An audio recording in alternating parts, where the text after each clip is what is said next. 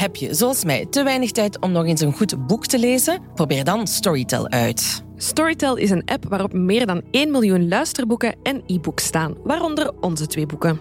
Dankzij Storytel kan je eender waar en wanneer naar je favoriete verhalen luisteren. Ik zet Storytel voornamelijk op in de wagen en als ik aan het koken ben. Probeer Storytel nu 30 dagen gratis uit op story.tel/volksjury.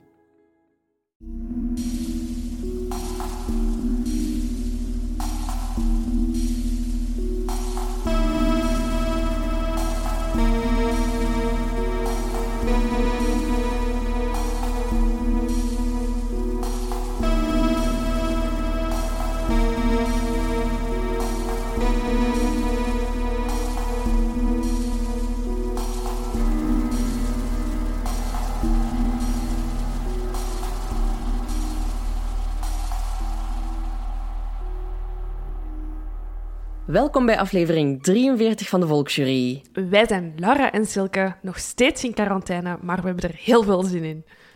Ja, het, was, eh, het is, eh, de keuze voor, voor deze aflevering komt van Laura. Zou ik het zeggen? En, eh, en het is een heel speciale, allee, het is een heel speciale zaak, hè. uiteraard John Benet Ramsey. Ehm, maar we willen eerst, ja, hoe gaat het met u, Laura? Ehm, met mij gaat het goed. Het gaat, eh, ik weet het niet beter, toch, heb ik het gevoel. Dan, alleen mentaal dan. Ik ben nog altijd niet ziek, dus dat sowieso. Allee, houd vasthouden, dat is goed. Ehm, maar ik weet het niet. Ik heb mij zo ergens precies neergelegd bij de situatie. Snap je Ja. wat ik bedoel? Ja, ik ben er ook niet meer zoals in het begin zo bewust mee bezig van oh, we mogen niet naar buiten of hè, het, het is nu eenmaal zo. Allee, soms heb ik het er nog wel, wel moeilijk mee. Ehm, bij mij is gewoon, wat er nu in mijn hoofd gaat, is van hoe, hoe lang gaat het nog duren? Van, Ja. Ik vind het heel... Allee, we zijn vandaag eh, woensdag en vandaag... Allee, straks gaan we horen wat dat de maatregelen, hoe lang dat ze nog gaan duren en zo. Eh, maar ik vind het moeilijk en er zal wel een reden voor zijn dat er zo om de twee weken, bij wijze van spreken, Ja. gedaan wordt. Als ze nu zo gewoon zouden zeggen, zouden zeggen van ja, het is nog tot eind mei, dan weet je gewoon waar dat je aan toe bent. Ja. Terwijl als ze nu zeggen van ja, het is nog tot eh 3 mei en dan gaan we weer zien, ja, dat vind ik al moeilijker.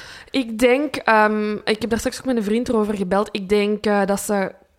De- ik heb het gevoel dat België heel erg naar Frankrijk kijkt. De vorige keer ook. Er zijn eerst, Ja, ja. eerst Franse maatregelen. Alleen in Frankrijk zijn er eerst maatregelen doorgevoerd. En we hebben die zo wat gekopieerd. Ehm, en ik denk dat we het Franse voorbeeld gaan volgen en ehm, ergens midden mei gaan stranden. Um, allee, alleszins voor de scholen. Ik denk dat ze eerst de scholen gaan laten opengaan. Was ik hier ook weer zo te doen alsof ik in, eh, in, de, in de gezondheidsraad zit? Ik denk.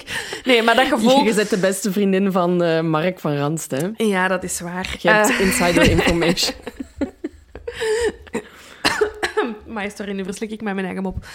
Ehm, nee, maar dat denk ik dus wel, dat ze eerst de scholen gaan laten opengaan en pas dan de mensen terug aan het werk gaan, gaan stellen. Ja, ik denk het ook. Ik denk het ook. Eh, bij ons is het gewoon, ja, nu ook op, op mijn werk is het ook wel weer wat, wat moeilijker. Ehm, er is bij ons beslist dat we sowieso allemaal eh, nog een. allee, op de redactie een week extra technisch werkloos moeten zijn.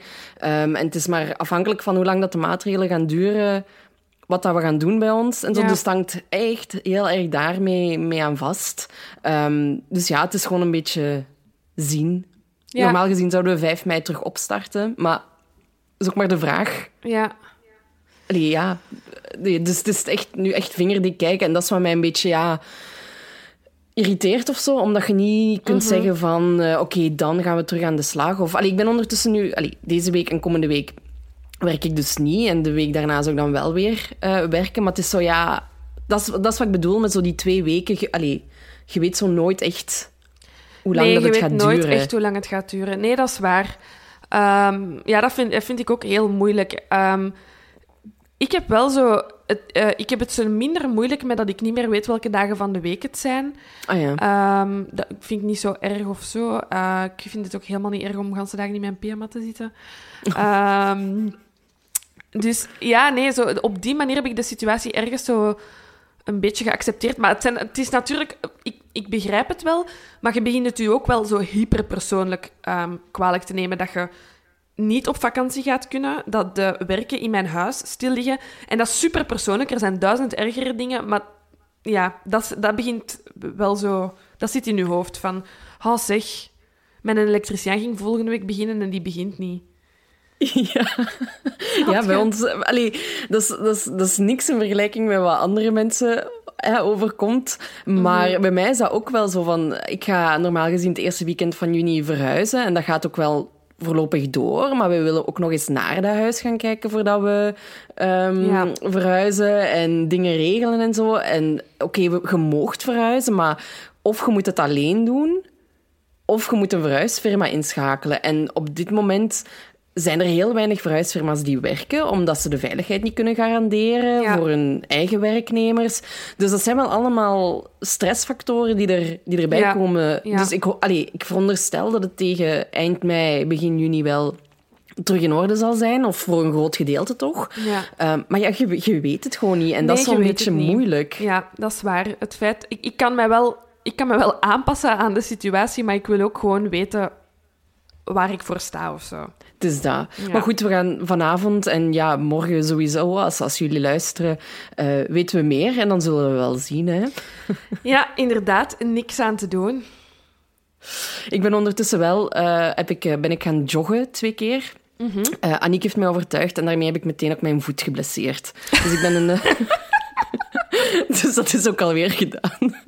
dus ik ben een vat Oh. vol goede intenties. Ja. Maar eh, de praktijk is iets anders. Want ja, ik had net twee weken voordat de quarantaine begon... Ik weet niet of ik dat al gezegd had, een fitnessabonnement afgesloten. Ja, Ehm, ja, was meteen gedaan. Dus ik dacht, ik ga hier gewoon in huis oefeningen doen. Maar dat vind ik ook echt helemaal niks. Want je zit al godganse dag in je huis. ja, ja. ja. Dus ik dacht, ik ga mee joggen.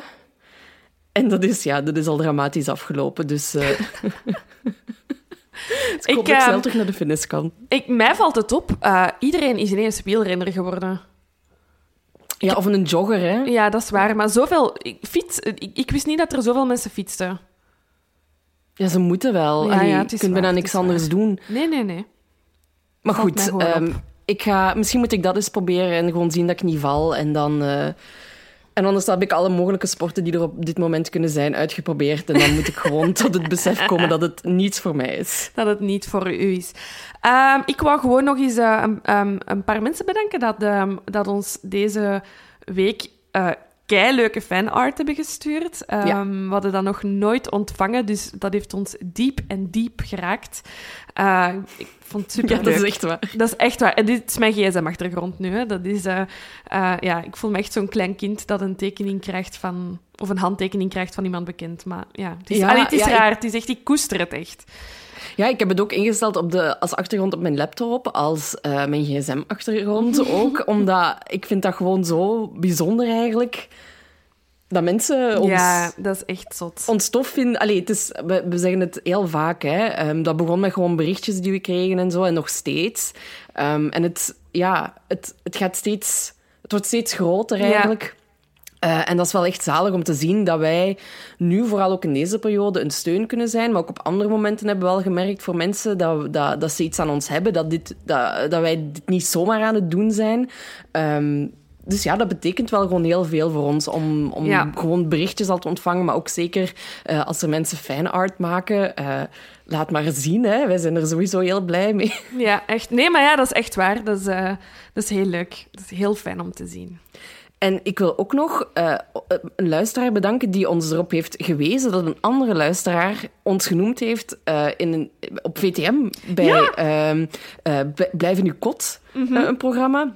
Daar eerlijk gezegd nog nooit naar gekeken of, naar, of naar geluisterd. Ehm, dus als het niet voor die luisteraar was geweest, dan hadden wij nu ook dit niet allee, geweten Nee, eigenlijk. nee, nee, inderdaad. Dus er heeft iemand ons genoemd. Ehm, er worden blijkbaar dagelijks of wekelijks eh podcasttips gedeeld. Ehm, en iemand heeft ons, heeft ons, eh, heeft ons genoemd. Eh, dat was heel leuk. En toen Silke en ik er gisteren over aan het sturen waren, heb ik een kant van Silke ontdekt dat ik niet wist. Ik, eh, het, was, het was met Jean Dont in, op dat moment. en ik heb gestuurd naar, naar Laura dat ik Jean de Hond een lieve baby vind. En echt, ik heb, No shame. ik heb een kwartier lang gelachen. Zalig. Maar dat zalig, is toch... zalig. Allee, ik, ken, ik ken Sean verre van persoonlijk of zo, maar als ik die zie, of, of als ik die... Ja, ik vind dat dat gewoon een sympathieke gast is of zo, of dat hij zo overkomt, alleszins. Ja. Ja. Ehm, en ook, eh, vroeger, eh, mijn broer leek heel erg op Sean. Oh, dat was oké. echt een dubbelganger. Dus daarmee dat ik Vandaar misschien de woordkeuze bepaalde- van lieve baby. Ja, is echt een lieve baby. Nee, ik vond het superleuk en het heeft, ik heb weer even gelachen en dan, dan is mijn avond weer gemaakt. Voilà. Ja, was leuk. Ja. Ja. En dan ook eh, samen in Feeling. Ja, ja, deze maand. Ehm, ik begrijp niks van de maanden van Feeling, want het is vandaag 15 april en het is het mei-nummer. Ehm, maar, eh, maar dus het mei-nummer is eh, sinds 15 april in de winkels. En ehm Silke en ik zijn een tijdje geleden geïnterviewd. naar aanleiding van ja, de populariteit van true crime eigenlijk. Dus het interview gaat niet, is, is niet enkel over ons, maar over true crime in het, eh, in het algemeen. Maar is, ik vind het een heel interessant artikel. En er worden hele fijne ehm, andere podcasttips ook gedeeld. En eh, series eh, en documentaires om te kijken. Dus eh, ja, zeer leuk. Ja, voilà. Dat waren de, de, de, de meldingen, Ja. de nieuwtjes. Nieuwtjes. nieuwtjes.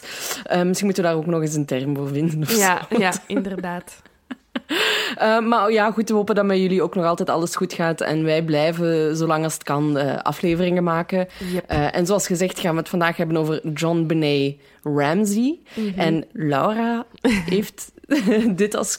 Allee, deze zaak gesuggereerd. Ook, met, ook doordat veel mensen die zelf ook wel al eh, aangegeven hadden dat ze dat wel eens graag wilden horen. Hè, langs Ja. van onze kant. Zeker, ja, het is, het is, het is zo'n eh, populaire zaak dat ik denk dat we er daarom misschien zo lang zijn afgebleven. Ehm, het, ah, het, is, het is echt, denk ik, een van de meest eh, spraakmakende onopgeloste moordzaken in Amerika. Eh, iedereen heeft er in Amerika ook een mening over, eh, dus dat schrikt je natuurlijk altijd wel wat af om het te brengen. Ehm, maar ik zag, er, ik zag er deze week weer iets van passeren en ik dacht, weet je wat, nu of nooit. We doen dat. Ehm, Dus we doen dat. Zal ik even kort de feiten schetsen en dan, eh, van, dan starten we vandaar. Ja, dat is goed. Oké, we zijn ehm, in de kerstvakantie, de kerstperiode in 1996. En ehm, we zijn bij de Ramseys. De Ramseys is een eh, gezin bestaande uit eh, John Ramsey, de vader, Betsy Ramsey, de mama, Burke Ramsey, de zoon, en John Benet Ramsey, de dochter. Ik ga hier al onderbreken. John Benet is de raarste voornaam dat ik ooit in mijn leven voor een jong meisje heb gezien. Het is raar, hè? Ja, ja Ik vind, ik vind dat ook eh, een, allee, een, een zeer bizarre naam, maar ik, ja, zal ik al zeggen hoe dat het er, eh, Ja, dat die naam erin toe is? Graag, ja. Ehm, dus eh, het is eigenlijk een... John Benet is een combinatie van de eerste namen van haar papa, die Mhm. John Bennett heet. Oké, En ze hebben daar dan een Franse twist aan gegeven. Mm, oké. Dus daarom is het dan John Benet geworden. Maar ik heb mij ook heel de tijd dat ik research gedaan heb, gedacht, wie noemt zijn kind nu zo? Wie noemt zijn kind nu zo? Wie schrijft die naam op die manier? Sorry, het is ook echt raar geschreven. Ehm, Oké, tot daar. Dus we zijn eh, kerstmis 1996. En de Ramseys gaan met hun gezin van vier. Ehm, ah, misschien ook even vermelden: dit is niet John zijn eerste huwelijk. Hij heeft al een huwelijk achter de rug waar hij ook kinderen in heeft. Maar eh, die zijn niet op dit moment met kerstmis zijn ze niet ehm, bij de Ramseys ehm, thuis. Dus ze gaan 25 eh, december 1996 kerst vieren bij hun goede vrienden de Whites. Daarvan komen ze s'avonds laat, de 25 december, thuis. En 26 december, eh, dus dat is bij ons tweede kerstdag, 1996, eh, stapt Patsy Ramsey om 5.30 uur uit haar bed. En ze staat op om koffie te maken. Nog iets. Sorry, wie staat erop om 5.30 uur de dag na kerstmis? Snap ik niet. Maar ze staat op om 5.30 uur ochtends om koffie te maken. En ze vindt op haar trap, dus wanneer ze van haar, van haar slaapkamer naar de keuken stapt, ehm, een 2,5 pagina ehm, soort van dreigbrief, eh, waarin staat dat John Benet, hun dochter, gekidnapt is en dat er 118.000 dollar in cash wordt gevraagd. Ze loopt terug naar boven, ze doet de kamer van John Benet open en wat ziet ze? Haar dochter ligt niet in bed. Ze maakt haar man wakker, ze gaat snel nog kijken of Burke, de zoon, in bed ligt. Die ligt daar, die slaapt, dus ze laat die liggen. Ehm, ze gaat samen met haar man naar beneden en om eh 5 uur 52 bellen ze 911 ehm, om te zeggen dat hun dochter waarschijnlijk gekidnapt is. En dan begint het, hè. En dan begint het.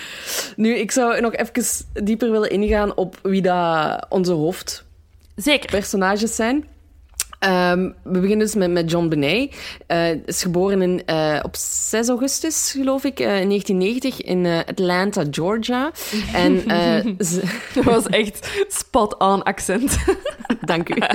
en eh, en eh, ja, zij is eigenlijk dus de, de dochter van Patricia en John Ramsey. En ze heeft dus een drie jaar oudere broer, Burke, wat ik ook al een zeer bijzondere naam vind. Ja. mhm. En eh, John, de vader, die was dus eigenlijk een zakenman en eh, een soort van ja, president bij Access Graphics, een computerbedrijf. Maar niemand weet eigenlijk exact wat dat hij deed. Veel Ehm, geld verdienen. veel geld verdienen sowieso. En hij was dus, zoals Laura zei, al, al eerder getrouwd. Ehm, en hij had daar ja, uit dat huwelijk twee kinderen. Maar zijn dochter uit dat eerste huwelijk, Elisabeth, die stierf ehm, toen ze 22 was bij een auto-ongeval in 1992. En dan in... eh, ja, voordat dat nog gebeurde, een jaar daarvoor, in 91, is hij met eh, Patricia, maar we gaan haar vanaf nu Patsy noemen, want zo noemt iedereen haar ook gewoon, ehm, zijn ze naar eh, Boulder verhuisd. Ook echt, ja, een soort van wel een gegoede wijk, eh, heb ik de indruk. Eh, en Patsy was 14 jaar, 14 jaar jonger dan John. En zij was vroeger ook wel echt zo een beauty queen. Eh, ze had Miss West Virginia gewonnen. Ehm, en ze werd eigenlijk beschouwd als een soort van trophy wife. Maar ze had ook wel gestudeerd. Dus het is niet... Allee, ik denk wel echt dat ze... Allee, ja, hoe moet ik dat zeggen? Dat ze gelukkig waren en dat we ze niet als een domme kalle moeten afschilderen. Nee, sowieso niet. Ja. Ehm, en eh, ja, met John Benet had Patsy zo wel het gevoel van... ehm, goh, misschien dat ik met haar ook, allee, ook nog wel weer die schoonheidswedstrijden kan doen. Want Ja. eh, John Benet was echt wel een mooi kind. Ehm, en John Benet was ook heel succesvol in die, in die pageants, om het zo te noemen. Ze heeft onder andere gewonnen... America's Royal Miss, Little Miss Charlevoix, Little Miss Colorado, Colorado State All-Star Kids Cover Girl en National Tiny Miss Beauty. Ja. Ehm, dus dat is, ja, ze heeft echt wel een aantal dingen gewonnen. En wat daarbij eigenlijk bij die pageants, die, die, die kinderen, die worden wel echt opgesmukt als volwassen vrouwen. Die dragen hoge hakken, make-up. En ik weet echt niet wat ik daarover... Allee, ik ben er eerder negatief over dan positief. Ja, Want ik vind dat je kinderen ook aan dat soort wedstrijden kunt laten meedoen zonder dat ze daarvoor helemaal opgedirkt moeten zijn of dat het om hun schoonheid gaat. Want ik heb, allee, je wordt al zo vroeg geconfronte- geconfronteerd met hoe dat je eruit ziet. ja. Ehm, en dan ook nog zo eens opgedirkt. Ehm, ja, dus... Maar ik heb dan ook wel weer gelezen dat, ehm, dat John heeft gezegd van ja, dat, dat, hij en Patsy ook wel vonden dat ze af en toe eens moest verliezen. Omdat ze net zo vaak won. Want ze, omdat ze moest begrijpen dat ze ook gewoon niet altijd kon winnen. En dat ze, ehm, ze wel de kans zouden geven aan John Benet om al haar talenten te ontplooien van zingen en dansen. Eh, Ja. Maar dat ze niet per se van hen moest winnen. Nee. Nee, Dus ik denk ehm, één dat we dat moeten plaatsen in de tijdsgeest van 1996, toen niemand zich vragen stelde bij zo'n misverkiezingen. Ehm, toen was dat gewoon, als je een schoon kind had, dan deed je dat. En dan werd er niet, inderdaad niet echt nagedacht over allee, wat daar dan eh, misschien mentaal de gevolgen van zijn van je kind. Ehm, maar het is fout, hè. Ik bedoel, allee, ik, ik heb heel lang moeten zoeken naar een foto van John Benet waar ze geen schmink draagt. Uh, Ja. er, er- zijn zoveel foto's van haar op het internet ja, waar dat ze echt een, een kind, kindvrouwtje is. Hè? Helemaal geschminkt, eh, oorbellen. Eh, ik heb ook ergens gehoord dat ze eh, haar haar geblondeerd eh, Ja. werd. Dat meisje is zes, dat is veel te jong. Maar echt zo gebleached, hè? Ja, dus ja. Dat, dat is niet even eh, de, uw dochter haar, haar haren verven. Dat is echt... Dat, dat doet pijn. Ik heb dat zelf niet gedaan. Allee, jawel. Oh, ik, ja, Ik ben wel een keer echt blond geweest.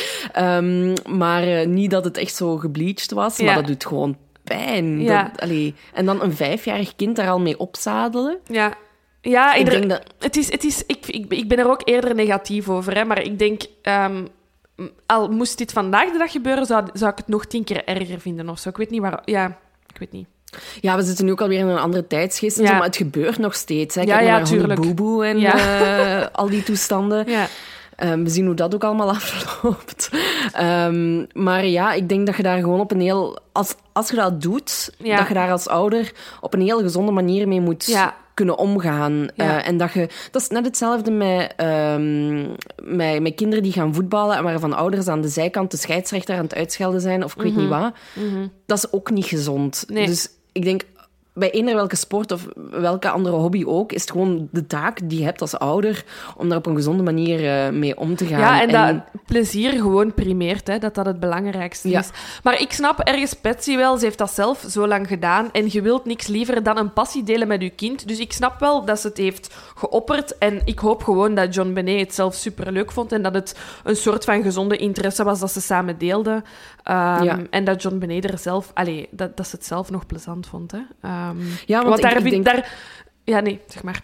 Nee, omdat ik denk ook dat, dat Patsy ook niet beter wist. Want in dat circuit zal zij vast niet het enige, de enige zijn die, die de haren van haar kind gebleached heeft. Dus... Nee, het, inderdaad. het, het zegt wel al iets over, over hoe dat ze waren. Want ze, ze leken wel echt van buitenaf ook het perfecte gezinnetje. Hè? Ze waren ook echt heel rijk. Ja. Ehm, en ik denk ja, dat, dat via die, die pageants, dat Patsy gewoon haar, haar jeugd terug kon herleven of zo. Of dat ze dacht van ja, met haar gaan we echt wel... Zij wordt Miss Universe of weet ik veel wat. ja, ja. Ehm, dat dat haar, haar droom was. Ja, ze hebben al Ehm. al het geld van de wereld, hè, dus daar moeten ze niet meer naar streven. Hè, dus eh, ja. Nee, nee. En ik denk ook dat... ik denk dat ik dat in, in, de documentaire van CBS heb horen zeggen, is dat John Benet... ehm, dat, die, dat de trofees die ze won, Mhm. niet per se voor haar waren, maar voor Patsy. Dus dat zegt ook al Mm. Dat iets. hè? Dat is ook een beetje ja. krom.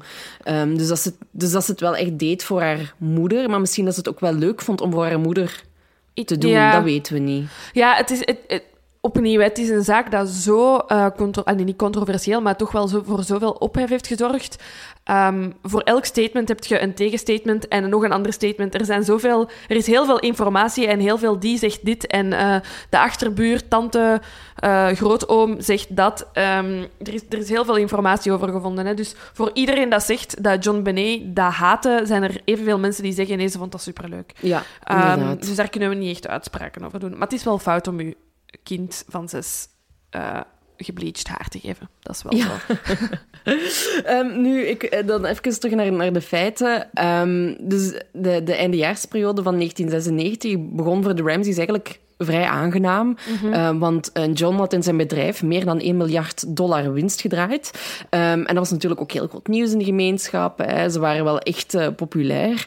Ehm, en er was ook een soort van kerstparade geweest, een lokale kerstparade. En John Benet had daar haar eigen praalwagen gehad en haar naam stond er in het groot op en zo. Dus iedereen wist wel wie dat de Ramseys waren. Ehm, en dan is het eh, kerstmis, 25 december 1996. En eigenlijk alles verloopt heel rustig en, en gezellig en leuk. Want John Benet had een nieuwe fiets gekregen. Die had ze samen met haar papa uitgeprobeerd die dag. En dan zijn ze s'avonds bij vrienden eh, naar een kerstdiner eh, geweest. Ja.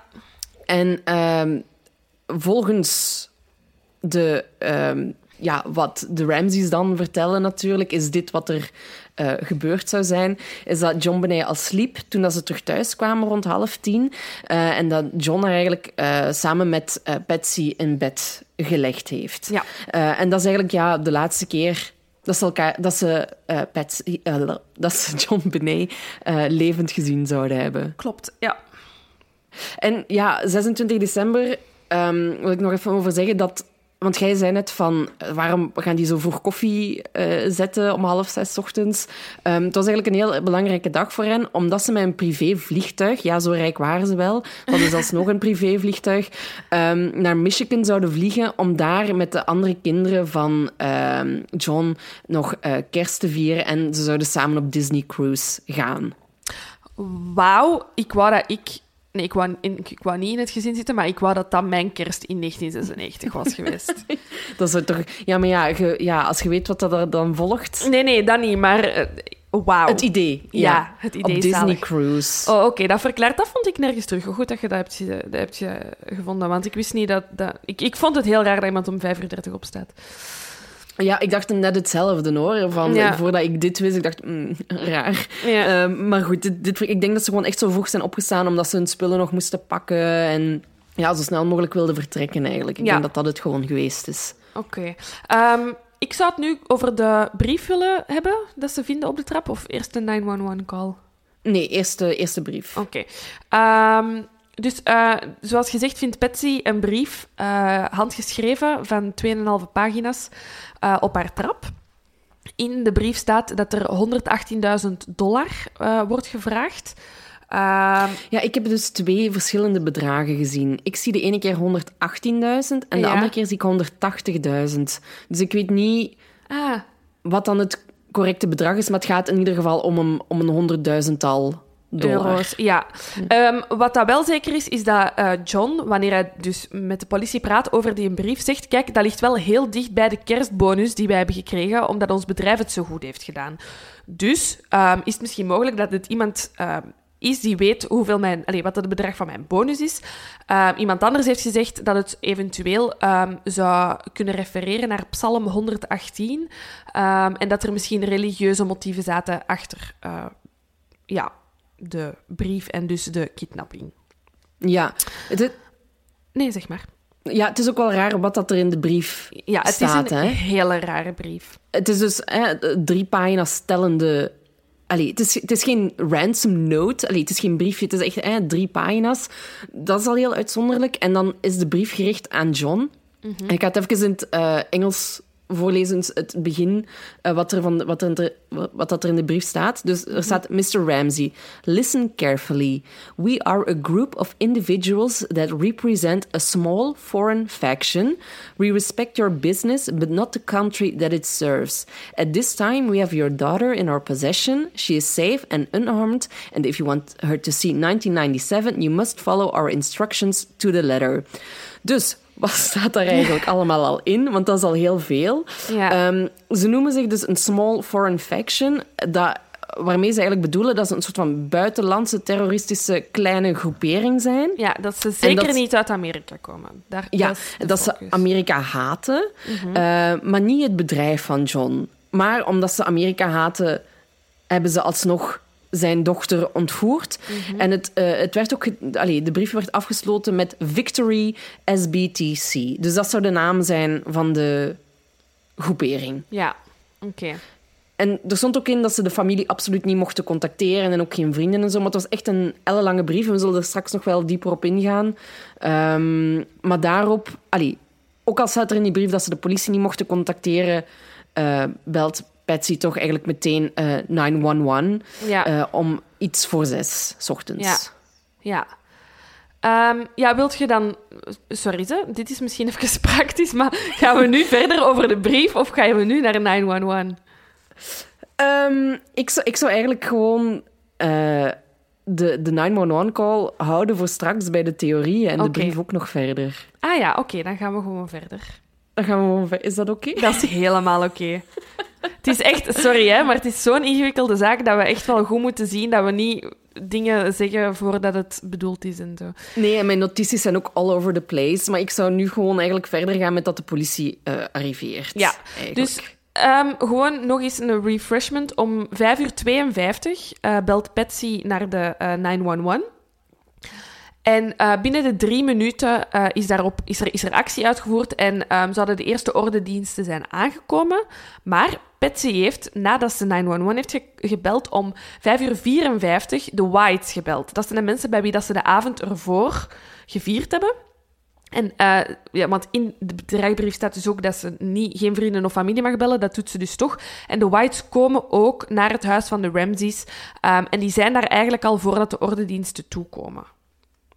Ja, inderdaad. Dus het is al meteen eh, veel volk. Ja. En al dat daar binnen en buiten gaat. eh, Ja. Wat dat wij als experts kunnen zeggen dat dat dan natuurlijk niet slim is. Nee. Ehm, eh, en ja, er komt dus een, een forensisch team ook en zo. Ehm, en ja, aangezien dat ze die brief vinden, gaan ze er uiteindelijk vanuit dat ze ontvoerd is. Ja. En sluiten ze haar kamer af. Ja. Dus er werden verder geen voorzorgsmaatregelen genomen om bewijs te bewaren in de rest van het huis. Ehm, en in die brief stond eigenlijk ook dat er nog verder instructies zouden volgen eh, van de kidnappers eh, rond tien uur. Maar ja, dat komt en dat gaat, tien uur, en er gebeurt eigenlijk ehm, niks. Dus ja, de hele dag... eh, ja, ze ze hebben een soort van war room opgesteld eh, om, om wel te zien van ja, als, als, die, als die mensen bellen... De, de, de kidnappers, dat we dat wel kunnen opnemen en zo, en dat we het kunnen traceren, maar er gebeurt niks. En dan ehm, om 13, allez, om 1 uur zegt een van de hoofdinspecteurs van ja, misschien moeten we toch maar eens het huis beginnen doorzoeken. Misschien Ja. vinden we nog wel iets. Ja. Ehm, ik heb nog eh, kort gevonden dat dus, ehm, dat dus de politie ehm, effectief toen dat ze zijn binnengekomen wel al een eerste kleine zoektocht hebben gedaan Ja. in het huis. Want ze waren eigenlijk voornamelijk op zoek, omdat het om, om een kidnapping ging, naar de way out. Ze wilden graag weten hoe dat, eh, die kidnappers waren binnengekomen en hoe dat ze terug naar buiten waren gegaan. En ehm, een van de agenten, Rick French, die eh, vertelt daar achteraf, achteraf over dat hij in de kelder is geweest ehm, en dat hij daar een deur vond die gesloten was en zoiets had van, oké, die kidnapper is sowieso niet langs hier gepasseerd, hij heeft die deur links laten liggen en hij is verder gaan zoeken naar een way out. En hij treft daar dan een, ehm, effectief een way out aan. Namelijk, eh, hij ziet dat er een raam is ingeslagen van de kelder dat naar buiten gaat, naar buiten leidt. Ehm, dat raam stond ook... Dus het is zo'n een, een groot raam waar dat dan vier kleine raampjes in zitten. En één van die vier is ingeslagen en het, het grote raam in zijn geheel stond eh, op een kier. Eh, wat, dat, wat dat dus de indruk gaf dat het misschien wel mogelijk was dat er iemand langs daar naar buiten was gegaan. Ehm, John Ramsey zegt wel direct, ja, ik heb dat raam zelf ingeslagen, enkele maanden geleden, toen ik mijn sleutel vergeten was. Ehm, dus ik ben zelf langs daar al eens naar binnen gegaan. En de reden dat het raam op een kier stond, is kerstverlichting. Eh, dus die kerstverlichting stond, zat via dat raam eh, in stopcontact in het huis. Ehm, dus het was niet raar dat dat raam open stond, maar John, John had wel zoiets van, ja, het kan wel dat die inbreker of de kidnapper daarvan gebruik heeft gemaakt. Ehm, dus er werd eigenlijk zo gedacht van, oké, waarschijnlijk zijn ze langs hier binnen en buiten geraakt. Ja, inderdaad. En ja, John gaat dan ook eigenlijk meteen zoeken hè, als, als ze de, de melding krijgen van ja, doorzoek het hele huis maar eens. Ehm, en dat huis is ook gigantisch trouwens. Hè. Je hebt een gelijkvloers en dan nog drie verdiepingen of zo, geloof Ja. ik. Ehm, en ehm, John en Patsy sliepen boven helemaal en dan de kinderen op de tweede verdieping. Dus het was, ja... Het is, een heel, het was veel- eh, het is een heel groot huis. Ik heb een, een, een, een soort van overzicht van alle kamers, allee, van alle vloeren. Eh, een getekend plannetje gevonden. Ehm, ik weet niet of dat, dat heel belangrijk Alleen niet heel belangrijk is, maar voor mensen die er een beeld van willen hebben, ik ga het zeker Ja. posten. Ja, dus, eh, en wat, wat John eigenlijk doet, ehm, die gaat samen met die, die, die vriend ehm, van, de, van de Whites, geloof ik, Ja, Ehm, White.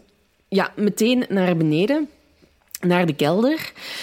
En hij vindt daar eigenlijk, ja, je moet, je moet daar, dat is ook een gigantische kelder. En dat is niet waar heel veel dingen worden opgeslagen, maar er wordt ook als speelruimte gebruikt voor de kinderen. Ehm, er staat bijvoorbeeld een heel groot eh, trein, speelgoedtrein, ding. Ja, het is geen kelder eh, dat je zo voor ogen hebt van, vanuit een horrorfilm of zo. Het is eigenlijk echt gewoon een ondergronds verdiep. Hè. Eh, Ja. allee, het, zijn, het heeft hoge plafonds, je kunt terecht staan. Eh, het is de plek waar mensen vandaag hun mancave zouden maken.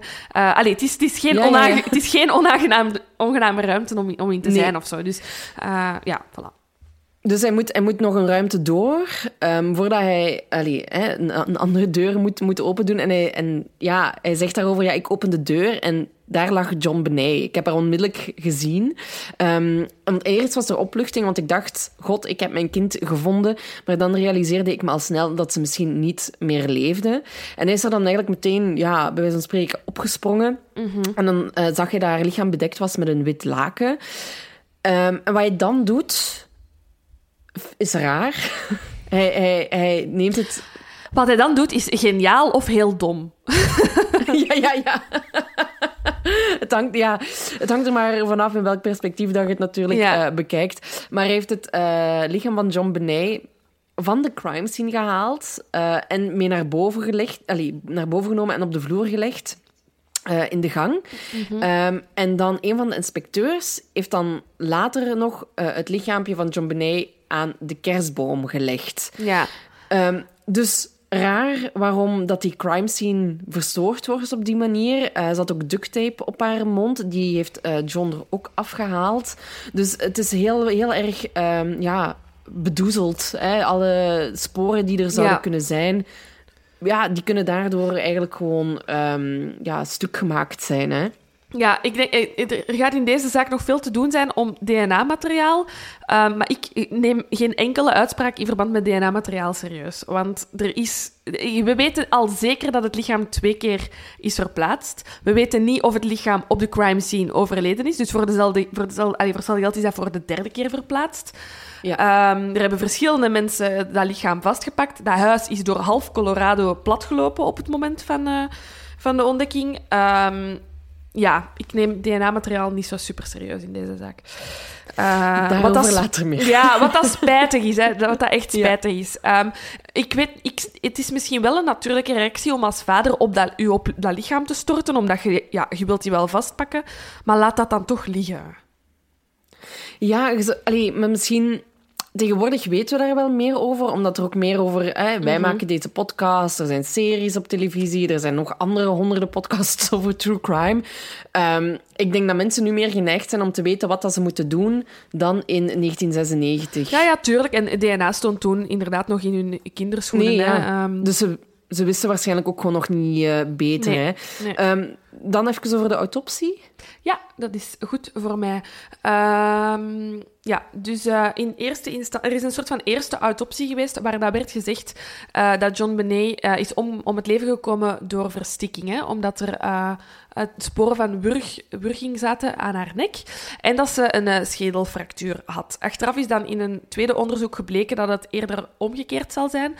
dat ze eerst... Um, met een stomp voorwerp op haar uh, schedel zal geklopt geweest zijn. Dat ze daardoor um, zeker buiten bewustzijn, maar waarschijnlijk hersendood was. En dat er dan um, overgegaan is tot verstikking. Ofwel om de eerste doodsoorzaak te, ja, te coveren, of om zeker te zijn dat het lichaam dood is. Uh, ja. dat, is allee, dat weten we niet, want we weten uh, tot op vandaag niet wie dat de dader is. Um, zoals jij al had gezegd, er zat duct tape op haar mond. Haar polsen waren samengebonden met een soort van uh, nylon draad. Um, en een, ja, ik weet niet wat de vertaling is. Een garot?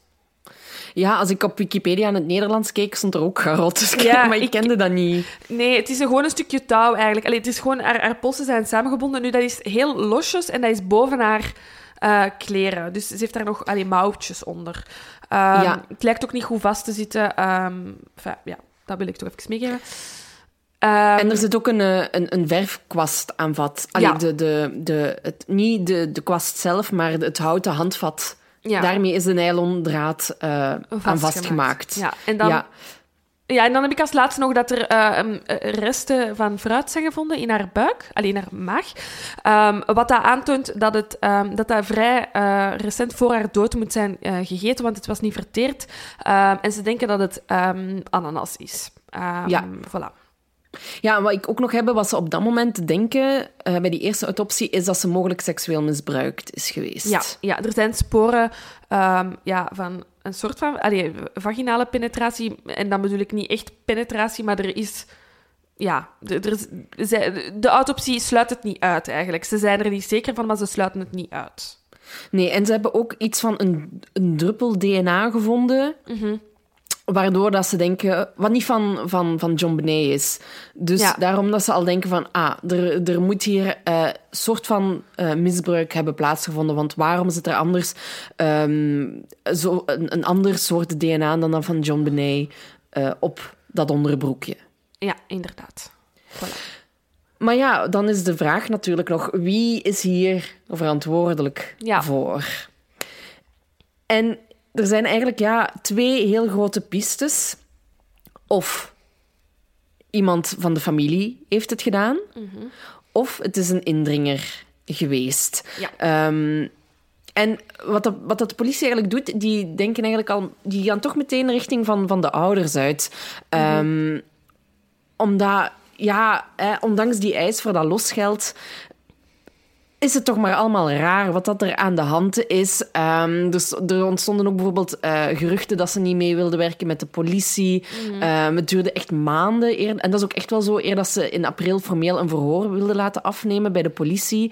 Um, maar John heeft dan dat zo gezegd van ja, maar ja, we waren bang dat ze dan geen andere piste meer zouden willen uh, volgen, van dat het een indringer zou geweest kunnen zijn. Maar ja, ik heb dan zoiets van zeg, zeg al gewoon tegen de politie uw verhaal, laat dat formeel vastleggen en dan kunnen ze zo snel mogelijk met de andere piste Ja, verder gaan. ja hoe Dus dat ik- is al een beetje raar. Ja, wat ik heb begrepen is dat ze dus wel een soort van eerste statement hebben gegeven, maar niet gesplitst. Dus dat het echt en Patsy en John waren, die gewoon eerst ja, kort wat vragen van de politie hebben beantwoord. Ehm, en dat ze dan effectief zoiets hadden van, ja, ik wil gewoon niet verder praten totdat jullie... En zij voelden zich gewoon heel snel geviseerd door ehm, de politie, wat dan niet super raar is, want statistisch gezien, een kindermoord is gewoon... eh, wat is het? Ik denk dat één kans op... eh, of, of eh, tien over één dat het, dat het uw ouders zijn. Allee, of iemand binnen de Mhm, mhm. familie. Het is gewoon... Percent, allee, gewoon dus, dus cijfers spreken u tegen, hè. Ehm, en ik, zou, ik denk ook dat moest er iets met mijn kind... Ik heb geen kind, maar denk, moest er iemand van dicht bij mij eh, iets overkomen, dan wil je juist zoveel mogelijk met de politie praten. Allee, of dat zou mijn... Mijn eh, gut feeling zou zijn, ik, Ja. wil zo, ik wil elke dag bij de politie zijn en horen wat dat ze te zeggen hebben. Ja, maar ik heb ook nog ehm, gehoord dat ze, eh, dat ze geen interviews meer wilden doen met de politie totdat ze toegang zouden krijgen tot het bewijs. Mhm. Maar als je verdacht bent, gaat je nooit toegang krijgen tot het bewijs, omdat Nee. je anders je verhaal kunt aanpassen. Ja. Dus dat was ook een reden voor hen om te zeggen, ja, sorry, maar dan gaan wij niet eh, meedoen aan, meewerken aan de politie. Maar ik snap dan dat de politie ook redeneert van, ja, jongens, zo werkt het niet. Nee, Ehm, inderdaad. En het feit dat, dat John Benet meedeed aan zo al die eh, pageants en schoonheidswedstrijden en zo, en hoe dat ze in beeld werd gebracht, ehm, was niet alleen de politie gericht op de ouders, maar ook de media en het publiek gingen zich heel erg richten op Patsy en John. Want hoe raar is het om je kind aan zoiets deel te laten nemen? Het is een prachtig kind. Eh, ja, blond en wit uiteraard. Ehm, dus er moet iets zijn. Maar ik heb ook gelezen dat de, dat de media daar heel erg op is gesprongen, omdat ehm, het was, eh, of dat is ook in die documentaire aan bod gekomen, omdat het de kerstperiode was. En er was heel Ja. weinig nieuws. En op dat moment waren het zo die eh, 24 uur nieuwszenders kwamen, waren in opmars. En ja, ze moesten het natuurlijk met iets kunnen vullen. Mhm. Ja. En dan is zo een jong, wit, blond meisje natuurlijk eh, ja, makkelijk om daar eh, Ja, dat op te volgen. Zeer interessant. En de ouders, eh, want dat is ook wat, wat dat gezegd inderdaad, die hebben pas 30 april, ehm, ja, wat echt ruim vier maanden is na, na de feiten, een verklaring bij de politie afgelegd. Maar op 1 januari 1997 nodigen ze CNN wel bij hun thuis uit. Wat dat, Ja. een, eh, wat dat nationaal nieuws is. Hè. Dat gaat niet over eh, Colorado eh, News. Dat is echt, dat is echt de nationale, een nationale zender.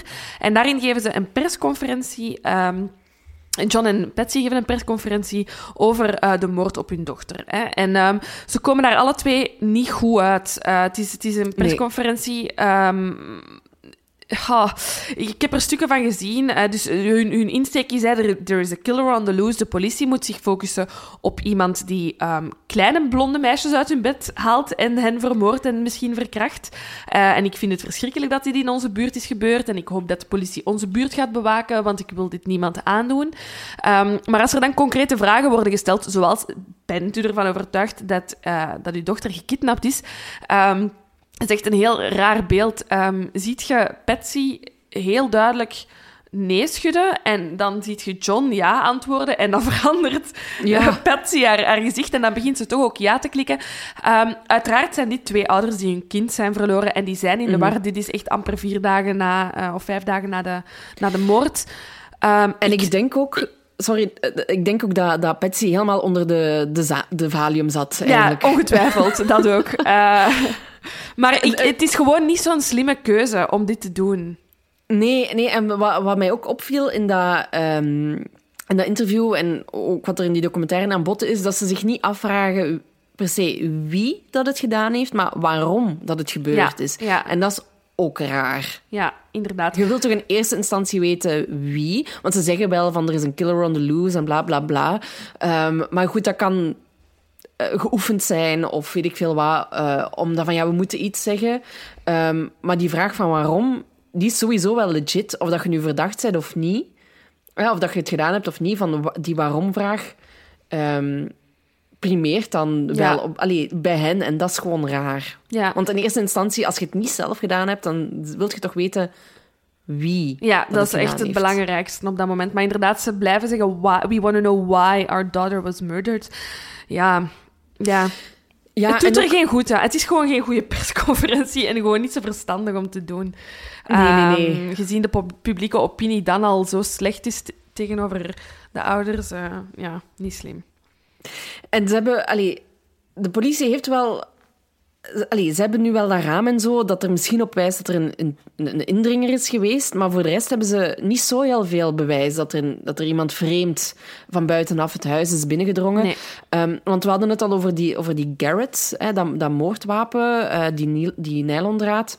En dat kost echt heel veel tijd om dat in elkaar te steken. Ja. Ehm, dus waarom zou je daar je tijd voor nemen om te doen? Waarom neemt je niet gewoon een stuk touw? Of waarom gebruikt je gewoon niet toekoer je handen, om het even cru te zeggen? Mhm. Dus dat is al raar. En ook met de brief. We zullen even terug dieper ingaan eh, De op brief, de brief. de brief, de brief. Dus Ik was- zitten al in... Eh, Ja, zeg maar. zeg maar. Ah ja, nee. Ik was, ik was, ik was dus... eh, ik ben begonnen met, ehm, met een documentaire te kijken. Eh, ik kende de zaak wel, ik had er al over gelezen, maar om alles op te frissen ben ik begonnen met een documentaire te kijken. En die zeiden zo gewoon eerst zo heel losjes, ja, en de dreigbrief van 2,5 pagina. En ik zo, wat? Ik was even vergeten en ik dacht, sorry, maar dat, is, dat kan niet. En uiteraard kan dat niet. Ehm, eh, er worden, eh, de documentaire die ik in één keer heb gekeken, staat trouwens integraal op YouTube. Het is twee delen eh, van anderhalf uur. Ehm, naar aanleiding van, ik denk de twintigste verjaardag van, van haar moord. Ja. Het is verschenen in 2016. We zullen zeker linkjes posten. En die halen zo echt zo de best of the best ehm, forensische linguisten en, en, en ehm, eh, mensen die opnieuw het, eh, het, de autopsie bekijken. Allee, het- is echt zo, ja, ehm, all-stars van, van de politie en van het onderzoek dat bijeen worden gehaald om eh, te kijken naar de zaak eigenlijk. Ik denk dat die experts trouwens ook aan bod zijn gekomen in de staircase. Ja, ja, ja. Daarvan kennen we Henry, ze? Henry Lee, zeker. Die, eh, ik, ik vond die toen al heel aandoenlijk. En ook in deze documentaire is die heel, heel, heel schattig. En ik kan die Ja. moeilijk serieus nemen. Allee, ik kan die wel serieus nemen, maar ik wil die hele tijd knuffelen. En Dr. Spits ook, hè? die ken ik ja. ook van ergens. Maar ehm, ik, kan, ik kan er niet zo op leggen waar, maar die zijn we ook sowieso al wel eens tegengekomen. Ja, ja. Ehm, dus het is... Allee, ik, ik heb de indruk dat ze het wel echt serieus aanpakken, die documentaire. Ik heb ook wel mijn issues bij bepaalde eh, delen, maar het, ehm, het schetst wel een goed beeld van hoe dat het verlopen is en wat, waar dat overheen is gekeken. Ehm, dus wat, wat dat we nu gaan doen... Allee, het, het is niet echt meer chronologisch wat we nu aan het doen Nee. zijn, want we steken ook al het bewijs wat ze gevonden hebben in die documentaire nu al ehm, bij wat dat we... Allee, steken we er gewoon meteen bij, eigenlijk. Ja. Dus het is niet Ja, meer we gaan, afzonderlijk. we hebben, we hebben, allee, er zijn eigenlijk twee grote, allee, er zijn twee grote theorieën. Namelijk één, iemand van buitenaf heeft iets gedaan met John Benet, of iemand van binnenaf heeft iets gedaan met John Benet. Um, Ja. En we gaan nu gewoon wat, wat bewijsmateriaal voorleggen en beide pistes de hele tijd met elkaar aftoetsen. Um, want daar komt het toch op, op neer. Hè. Eh, de vraag is, heeft iemand van de familie het gedaan? Um, en dan nog heb je duizend op... Nee, geen duizend opties, want er waren maar drie mensen. Maar is het per ongeluk of is het... Dat, en dat zullen we allemaal wel bespreken, maar het gaat eigenlijk vooral over... um, ja, of het iemand van, van de familie is of iemand van buitenaf. eh, Waar, dat ook een enorme tweestrijd is geweest binnen de, het onderzoek. Hè. Um, Mhm. um, zowel de politie als uh, wat dat wij zien als het parket hebben elk een andere piste dat ze volgen. Um, dat heeft het onderzoek ook heel moeilijk gemaakt. Maar we gaan dus gewoon even wat bewijsmateriaal uh, in jullie gezicht smeren. En... Kort, en even bespreken um, hoe of wat. Dus we beginnen bij de, um, bij de dreigbrief. Allee, waar dat Ja. losgeld in wordt gevraagd. Dus um, ja, ze vroegen dus 118.000 dollar. Um, dus dat is al, eh, Laura zei het ook al eerder, dat is ook vrij specifiek. Um, ze, ze, ze zijn bij een, een zeer rijke familie. Waarom vroegen ze geen... Als ze zo'n risico nemen, waarom vroegen ze geen uh, miljoen dollar? Um, mm. allee, het is toch wel echt een groot risico uh, dat je neemt. Als je dus... weet dat dat het bedrag is, of ongeveer het bedrag is dat die mens als bonus krijgt, mm -hmm. dat is niks. Hè? Dat is, allee, voor hem dat is heel veel geld, maar voor hem is dat niks. Dat is letterlijk, ah ja, tof, ik heb het goed gedaan op mijn werk. Ja, dat ja is echt en je hebt twee privévliegtuigen en al. Allee, dus die hebben zeker uh, geld genoeg dat je op zijn minst een miljoen dollar kunt Ja. vragen. Ja. Um, wat ik heel grappig vond uit de brief, um, is dat er quotes zijn gebruikt uit bekende films. Ja. Um, die listen very carefully. Uh, if you talk to a stray dog, do, ne- do not attempt to grow a brain. Om er maar een paar te zeggen. Dat zijn allemaal quotes die of komen uit verschillende films, zoals Dirty Harry, Ransom en Speed. En dat, is, dat vind ik echt al zo raar. Dat, Ja. een... Allee, het is niet exact hetzelfde, hè, maar Nee. het komt er wel mee overeen. Nee, moest dit, moest dit in 2020 gebeuren, zou je denken dat iemand ehm ehm, dreigbrief heeft opgezocht op het internet en dan zo wat voorbeelden uit films heeft gelezen. Ehm, ja. Ja, het is, het is, heel, het is heel raar, die quotes. En er, ja, er wordt ook gezegd dat de, dat de Ramses enorme filmliefhebbers zijn. Ehm bon, dat laat ik dan in het midden. Ehm, Ja. Maar er hingen wel wat filmposters bij hun thuis omhoog. Maar ja, dan denk ik bij wie niet. Uh, allee, vind ik, dat, is, dat is gewoon een, een, een lauw excuus. Maar het is gewoon raar dat er, dat er filmquotes in, een, in iets wat zeer serieus is. eh, want een, een dreigbrief is heel serieus. eh, ja, dat die quotes daar, daartussen zitten. Het is gewoon heel raar. Ehm, ik heb ook Ja. ergens gelezen dat... dat John, van zodra dat hij het bedrag zag, eh, dat ook gelijk is gaan afhalen. Ehm, en dat, Ah, dat ja. was er, dat was gewoon beschikbaar. Eh, dat was voor hem geen probleem. Eh, en hij is daar ook gewoon heel, allee, gewoon heel snel van... Tuurlijk, zoveel, oké, ik leg het klaar. Allee, daar moesten geen banken voor gebeld worden, dat, dat was er gewoon, dat geld. Ehm, dus ja, dat zegt genoeg dat dat zeker niet voldoende is voor, allee, voor het vermogen dat die mens had. Ja, ja, ja. ja. Ja, en dan 76% van de brief is gewoon te veel. Ja, Dat is, had er niet moeten instaan. Het is echt gewoon steeds een, een soort van herhaling dat ze doen. Van, dat ze gedood zal worden als, mensen zich, als ze zich niet houden aan de instructies. Of gewoon toekoor dat ze gedood wordt. Of dat ze, hoe dat ze haar gaan doden. Ehm, en volgens die experts van in die documentaire doen ze dat gewoon echt om het te verkopen. Ehm, ze, ze hadden, het had ook in vier zinnen ja, gekund, die, Ja. die brief. Ja. Ehm, en dus ja, het nam ook echt enorm veel tijd in beslag om die brief ehm, te schrijven ook. Hè. Dus als ze dat in vier zinnen gewoon hadden geschreven van kijk, hey, we hebben uw dochter. Eh, twee, we vragen hier zoveel voor. Ehm, bel niet de politie, je moet dit doen. En we Ja. vragen 118.000 dollar. einde. Einde. Terwijl drie pagina's. Ja. ja, de experts in de documentaire hebben, het, eh, hebben de proef ook op de som genomen. En ze hebben de brief overgeschreven om te zien hoe lang het duurt. En ze kwamen aan een gemiddelde van 21 minuten. Maar dan spreekt je dus enkel over mensen die een tekst overschrijven, dus niet Ja. verzinnen. Hè? Dus daar mocht je denk ik dan nog wel eens bijna dubbele bijrekenen. Eh, dat betekent dat die 40 minuten lang aan die dreigbrief hebben geschreven. En de reden waarom ik dit zeg, dat dat belangrijk is, want je kunt zo'n dreigbrief voorbereiden, ehm, dat is omdat het papier waarop de dreigbrief is geschreven en de balpen waarmee dat de dreigbrief ehm, is geschreven in het huis zijn gevonden, die zijn daar niet achtergelaten, maar die waren in het huis. Dat betekent dat als er iemand van buitenaf het huis is ingedrongen om John Benet mee te nemen, ehm, dat hij pas die dreigbrief heeft geschreven en bedacht als die in het huis was. Ja, inderdaad. Dus dat is... eh, Zeer, zeer raar. Ja, ja, ja inderdaad. Ehm, en ehm, er staan ook twee, twee foutjes in de eerste paragraaf. Ja. Zo hebben ze eh, onder andere eh, business met twee S'en geschreven. Ehm, en eh, het is ja, het is een, het is een small foreign faction. Hè?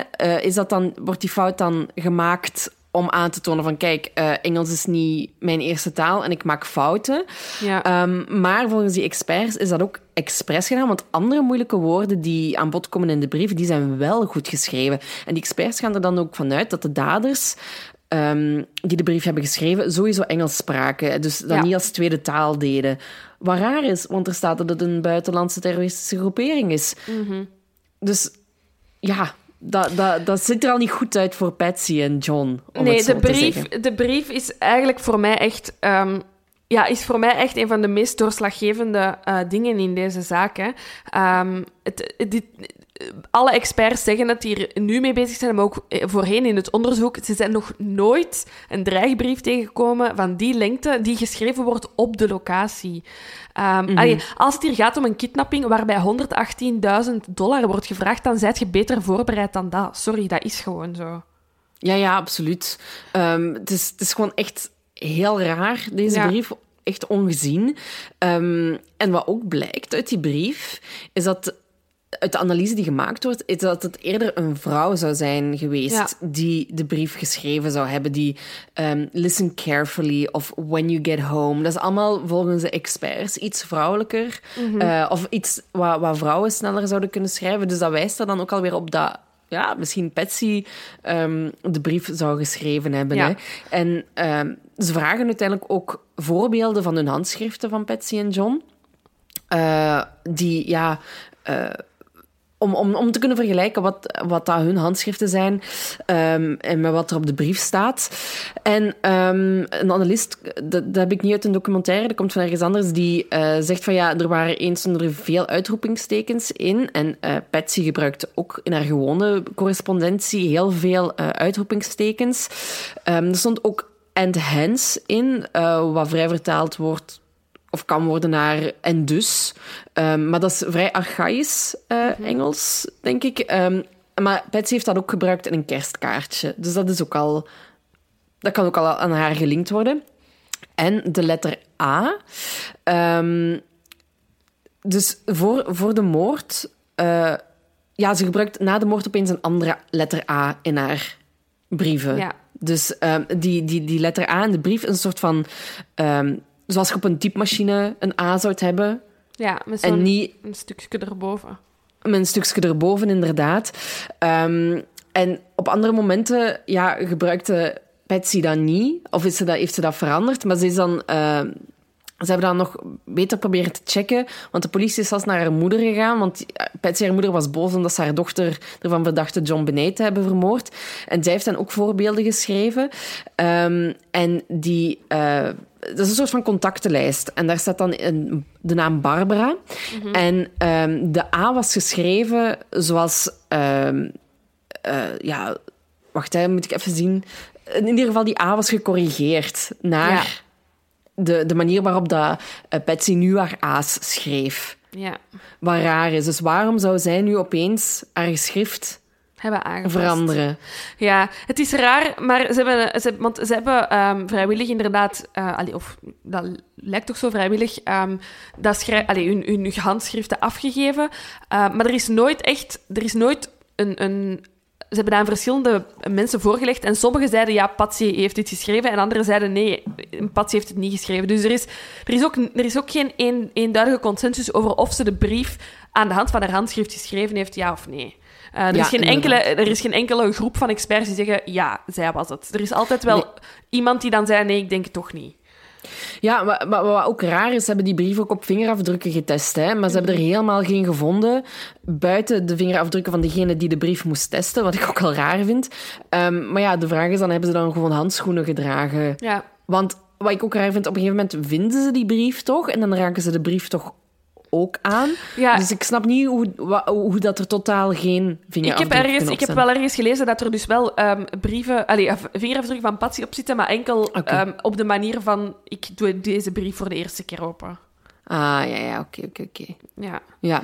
Maar dus dat is dus niet... iets wat ik heel raar vind. Want als je zo voorzichtig bent met vingerafdrukken... Stel dat Patsy die brief heeft geschreven, hè.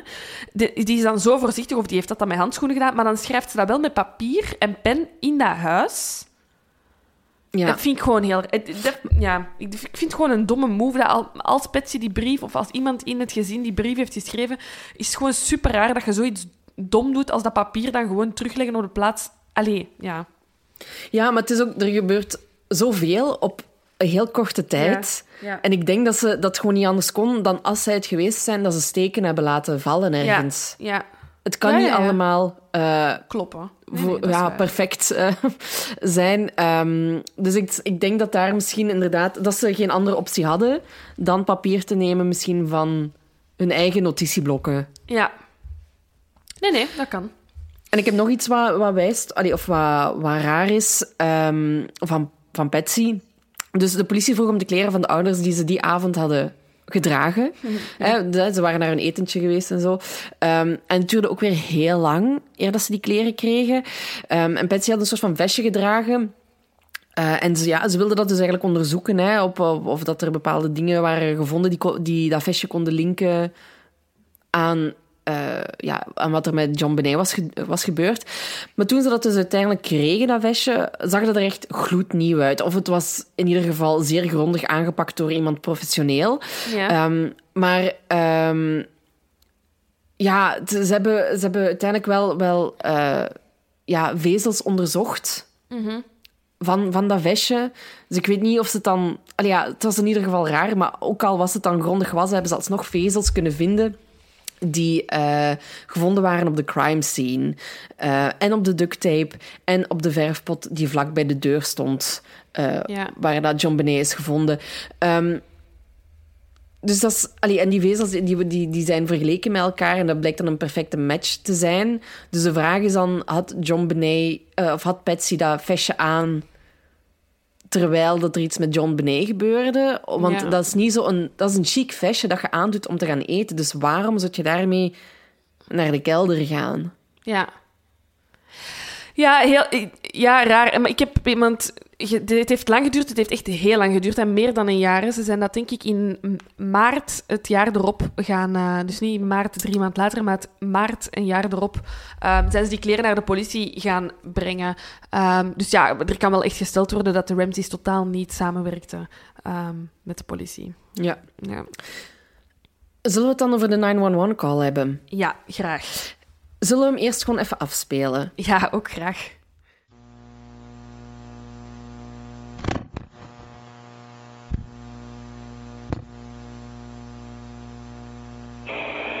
Nine one one emergency. We need. Police. What's going on? By 515th Street. What's going on there, ma'am? We have a kidnapping. Hurry, please. Explain to me what's going on, okay? There, we have a, there's a note left and our daughter's gone. A note was left and your daughter is Yeah. gone. How old is your daughter? Six years old. She's blind. Six years old. How long ago was this? I don't know. I just found the note. And my daughter's Does it say who took her?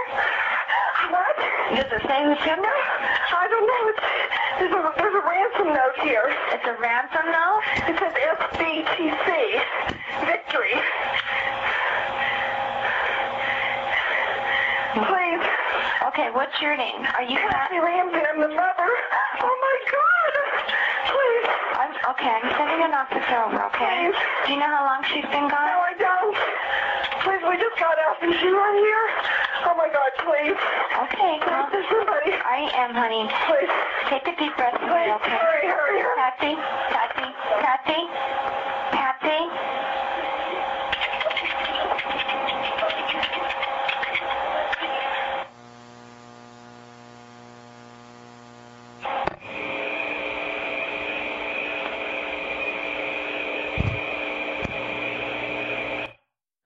Oké, dus dat was de 911-call. Yes.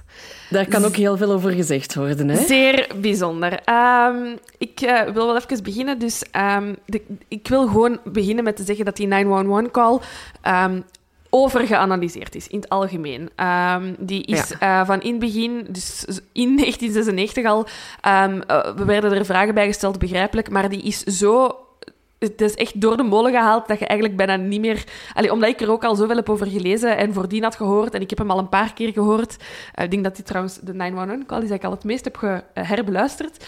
Ehm, er is zoveel om te doen geweest, maar we zullen het even eh, kort ehm, samenvatten. In de documentaire dat ik heb gezien, en jij hebt gezien, ik blijf zeggen dat ik die alleen heb gezien, dat is niet zo. Uit 2016 is er een forensische linguist bijgehaald, zalig beroep trouwens, ehm, die dus de, ta- allee, het, taalgebruik in de call ehm, analyseert en verschillende dingen opmerkt. Ehm, de, de woordkeuze van Patsy in eh, het bijzonder. hè. Eh, ze spreekt van we have a kidnapping, she is blonde, I am the mother. De naam van John Benet wordt niet genoemd, er wordt geen leeftijd genoemd. Ehm, is heel, heel raar. De informatie die Patsy doorgeeft aan de 911-services is, is echt heel atypisch voor iemand ja, die net toekomt op een, op, een, op een crime scene of net iets eh, aantreft dat niet normaal is. Ja, en de, eh, in de documentaire wordt ook de 911-operator gesproken, interviewen ze die. En die, het is dan eigenlijk pas de eerste keer dat ze die... eh, ja, dat die spreekt over wat dat, wat dat er gebeurd is. Want die had zo'n soort van... Nee, die had gewoon een gag order. Dus als die ooit zou spreken met de pers of wat dan ook, ja, dan zou die aangeklaagd kunnen worden. Dus die heeft dat nooit gedaan. Ehm, tot nu dan. En zij zegt eigenlijk van ja, ik had meteen het gevoel dat er iets niet klopte. Want ehm, ze was heel hysterisch, maar als zij dan iets zei, Patsy, dan was ze weer heel kalm als ze praatte. Dus dat leek heel erg ehm, ja, fake voor Ja. haar, die 911-call. Ehm, en ze, ze, ja, het, het leek wel echt voor haar of dat, of dat het telefoonges, telefoongesprek eh, geoefend was. Ja. En ik, ik, ik, ik ben ook wel geneigd om haar te geloven, omdat dat is een 911-operator en dat is niet het eerste telefoontje dat hij gehad heeft over een kidnapping. En die, die heeft daar ook training voor gehad. Dus ik ben wel geneigd om haar gevoel hierin Ja. eh, te geloven. Ehm, ik geloof haar vooral met het feit, en dat hebben jullie ook gehoord, Patsy eh, legt af. Eh, Ze haakt de telefoon, Ja. ze haakt de telefoon in. Ehm, en dat is iets dat zowel statistisch als wat dat die 911-operator zegt, dat gebeurt niet. Ehm, jij bent op dat moment als, als ehm, 911-operator de enige contact met de ordediensten en mensen in nood willen dat niet kwijtraken. Ze, wil, ze hebben iemand nodig die hen hier doorsleurt. Ehm, zelfs als het gaat over iemand... eh, Want je zou dan nog kunnen zeggen, ja, maar het gaat hier over een kidnapping of een verdwijning van een kind. Die mama wil misschien zo snel mogelijk beginnen zoeken. Nee, die wil in contact blijven staan met de ordediensten. En het feit dat Patsy inhaakt, is gewoon zeer, zeer, zeer atypisch. Anderzijds, we hebben het ook al vaak gezegd, we weten niet hoe dat mensen in stresssituaties reageren. Dus misschien is dit wel gewoon hoe Patsy is. Ehm, maar vooral het feit dat ze inhaakt, dat, dat vind ik ook echt super gek. Het lijkt alleszins alsof dat ze, inhaakt, of dat ze Ja. denkt dat ze inhaakt. Hè? Ja. Want de, de lijn wordt eigenlijk niet verbroken. Ehm, en dan, ehm, maar daar, daar, dat vind ik een beetje dubbel wat ze dan doen in de documentaire, is dat ze er een audio-engineer op zetten. Want de laatste seconde, zoals jullie ook gehoord hebben, wordt er nog wel iets... Oh ja, als je het weet, hoort je mensen iets mompelen Ja. nog. Ja. Ehm, en ze hebben daar ja, zo'n audio-engineer opgezet die dat eh, ja, moest ontfutselen wat het daar precies gezegd wordt. Maar ik, ik, ja, ik vind heel... Je kunt Ah, alles horen wat ja, dat je en dat is dus... Dat is, dat is, eh, een paar maanden na de feiten hebben ze dat al een eerste keer geprobeerd. Ehm, dan is daar al een mening over gevormd. Eh, dus wat dat ze doen is het geluid eh enhancen. Dus ze proberen de ruis uit het geluid te halen en de stemmen omhoog te halen. Ehm, maar ja, je hoort wat je wilt. Hè. Als iemand mij zegt dat die vrouw zegt voor mijn klein pakje friet met mayonaise, dan hoort je dat ook. Ehm, Nu, ik, ik, ik, ik ga toch even opsommen wat, dat, wat dat ze denken te horen. Ehm, ze denken dat het, de eerste zin die valt eh, is... We're not speaking to you. En dan gevolgd door... What did you do? Help me, Jesus. Of What did you find? Help me, Jesus. Ja. En dan is er nog ja, een derde stem ook, hè. Ehm, ja, maar van- opnieuw... Ik, ik weet dat niet. Nee, voor ja, mij ik is weet dat het ook gewoon ge- niet, hè. Voor mij is dat gewoon. Van Van Burg, die, die zegt, what did you find? Ja. Ehm, ja, ra- je weet niet of... Je kunt echt niet daarop, daaruit opmaken of dat het Burke is, of dat het Patsy is, of dat het John is. Je kunt ervan uitgaan dat het Patsy is, omdat zij natuurlijk net gebeld heeft en de telefoon heeft vastgehad. Gehad. Maar je kunt echt niet hieruit afleiden ehm, wat dat er gezegd is geweest. Ik denk dat dat- dit ook echt gewoon meer te maken heeft met... We moeten goede televisie maken. Laten Ja, we dit iets spannender maken. Absoluut. Ehm, zeker omdat je weet, dus die 911-call is gestart ehm, om 5 uur 52 is die binnengekomen en om 5 uur 54 is de telefoon naar de Whites geregistreerd. Dus heel veel conversatie tussen de twee telefoongesprekken kan er ook gewoon niet geweest zijn. Ja, ja, ja, inderdaad. Ehm, dus ja, dat is gewoon... Allee, ja, er zijn dingen gezegd geweest, eh, maar ik blijf gewoon het gekst vinden dat ze heeft ingehaakt. Dat vind ik sowieso gek. Ehm, maar om nu echt... Allee, ja, daar zijn echt artikels en nieuwsuitzendingen over geweest, over wat dat er die paar seconden nog gezegd wordt. Ehm, Ja. vind ik er een beetje over. Ehm, Ik vind dat we hier ook niet verder op eh, kunnen Nee. ingaan. Maar ik vind Nee. het wel opmerkelijk dat de 911-operator wel zegt dat, er, dat zij het gevoel had dat er iets niet klopte, in ieder Ja. Geval, aan dat telefoontje. Eh, en dat ze zowel hysterisch was, maar ook heel kalm was. Mhm. En wat we, allee, wat we er ook vooral uit moeten onthouden, is dus dat ze totaal geen beschrijving gaf van John Benet. Nee. Terwijl dat die wel zogenaamd eh, ontvoerd Ja. was, nog Ja. op dat moment. Ja, er wordt geen leeftijd gezegd, er wordt geen naam gezegd. Enkel dat ze blond is, ja. Allee, sorry, maar eh, als, als je elk blond kind in Amerika eten moet geven, dan zijn lang bezig. Ehm, Ja. Dus ja, het is, het is geen goede beschrijving. Ehm, ja, voilà. Voilà. En ik zou nu even over eh, John willen praten, waarom dat hij eh, verdacht Ja. kan worden. Of, ehm, dus wat, wat, dat, wat dat opmerkelijk is, eh, heb ik gelezen, is dat hij dus vrijwel meteen naar de kelder is gelopen. Nee, gewoon echt meteen naar de kelder is gelopen om John Benet te gaan zoeken. Ehm, en hij heeft dan die deur opengedaan, maar heeft het licht niet aangedaan. Hij heeft daar eigenlijk echt meteen zien liggen. Wat raar is, want het was donker. Ja, En ze hebben dat getest. Het is onmogelijk om iets te kunnen waarmaken van wat dat er ligt in die ruimte. Want Ja. John Benet lag ook nog eens onder een wit laken. Dus het is eigenlijk onmogelijk om te zien Wat er dat de iemand lag.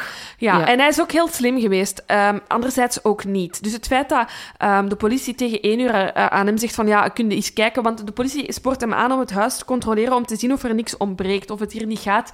Ehm, eerder om een soort van ja, eh, in diefstal gone wrong of zo, hè, waar dat er ook dingen zouden zijn meegepakt. Ook, dan start ik niet in de kelder, behalve als mijn kluis daar staat. Maar allee, ik vind het gewoon heel raar dat hij start in de kelder. En vooral, hij neemt iemand mee. Hij neemt een onschuldige getuige mee, namelijk Fleet White. Zijn beste eh, vriend, allee, of een van zijn goede vrienden, met wie dat ze de avond ervoor kerst hebben gevierd. En dat is blijkbaar ook gewoon heel gebruikelijk voor een dader die zijn eigen slachtoffer vindt. Allee, en vindt tussen aanhalingstekens. Die neemt een onschuldige getuige mee om te bewijzen, kijk, ik was niet alleen, ik wist niet waar het lijk was, we hebben dit met twee gevonden. Ehm, ja, raar. Ja, en dus de vraag is dan gewoon van, ja, had, had, had John voorkennis over wat dat er met John Benet is, is gebeurd? En het rare is dat dat dus nooit opgevolgd is geweest. Nee. Ze hebben daar nooit verder over geïnformeerd of, of eh, Fleet over geïnterviewd. Ehm, want eh, ja, ze werden wel echt een beetje met de fluwelen handschoen eh, behandeld. Hè. Ze Ja. waren een rijke, welgestelde familie. Ze hadden heel veel invloed ehm, in de gemeenschap.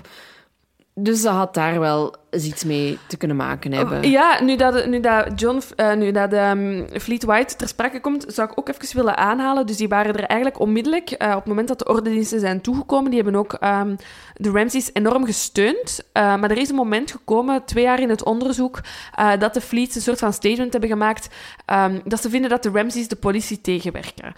Dus er is wel een moment dat de, dat, de, dat de Whites hebben beslist van, ik weet toch niet of ik onze goede vrienden geloof.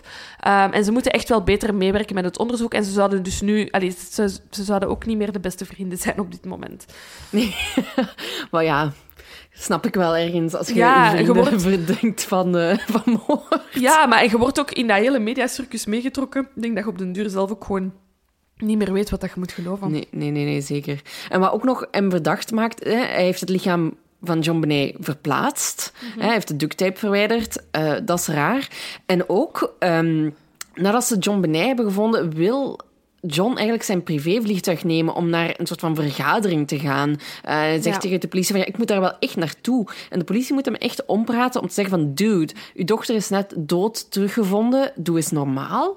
Ehm, waarom zou jij nu op zakenreis willen gaan als uw Sorry, kind... en ging hij niet op Disney Cruise? Ja, ook al raar, hè?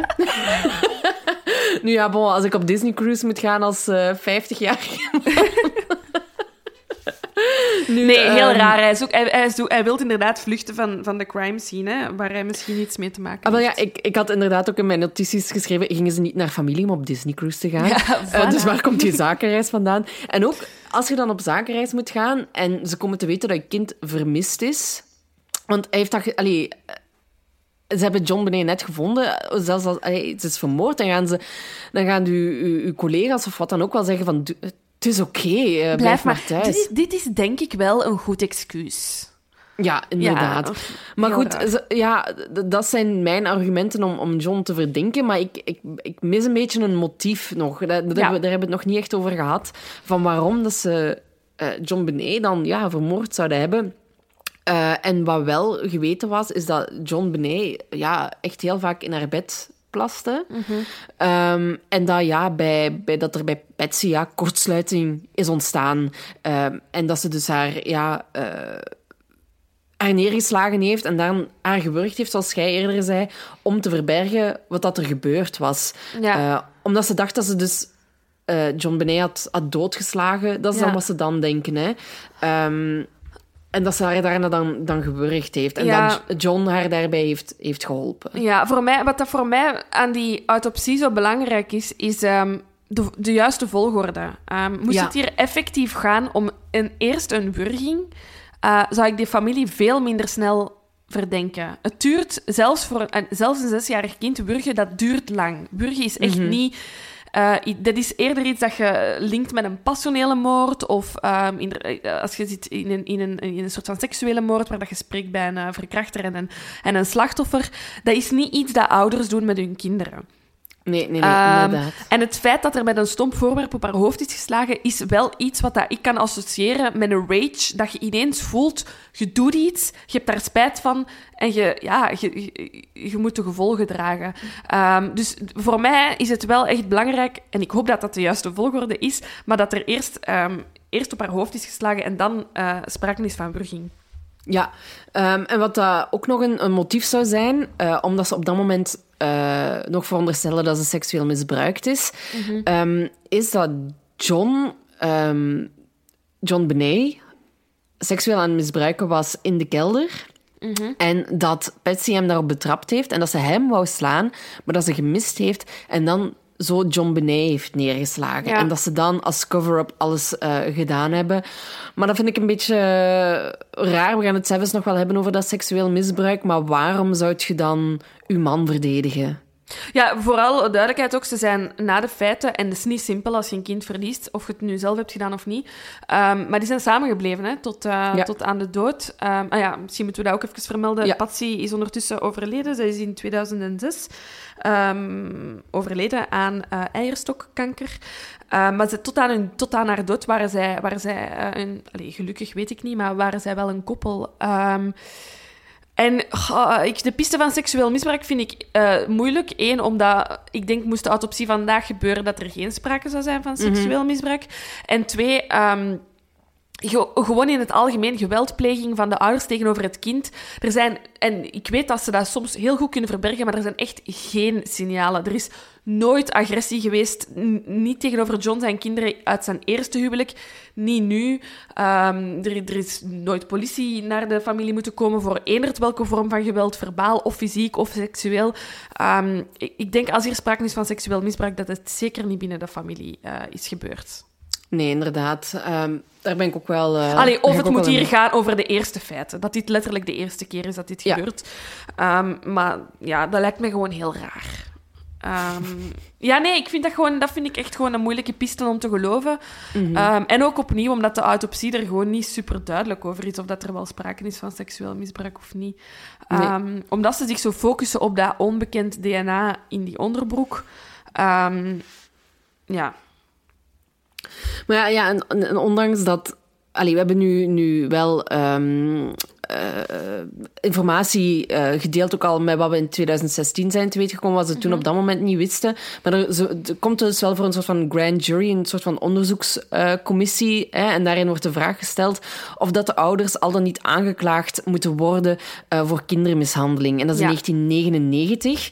Ehm, En daar worden getuigen opgeroepen, het bewijs wordt bekeken. Ehm, maar eh, zo maken ze tijdens een persconferentie duidelijk, de district attorney, de, de, ja, de officier van justitie, of hoe Ja. moet ik het eh, noemen, ja.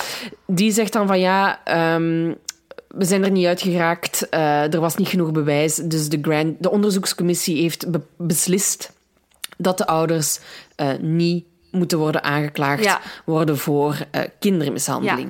Ja. Ik, vind dit, ik vind dit heel bijzonder. ehm, omdat het onderzoek wordt dus eh, geleid door de ehm, Boulder Police.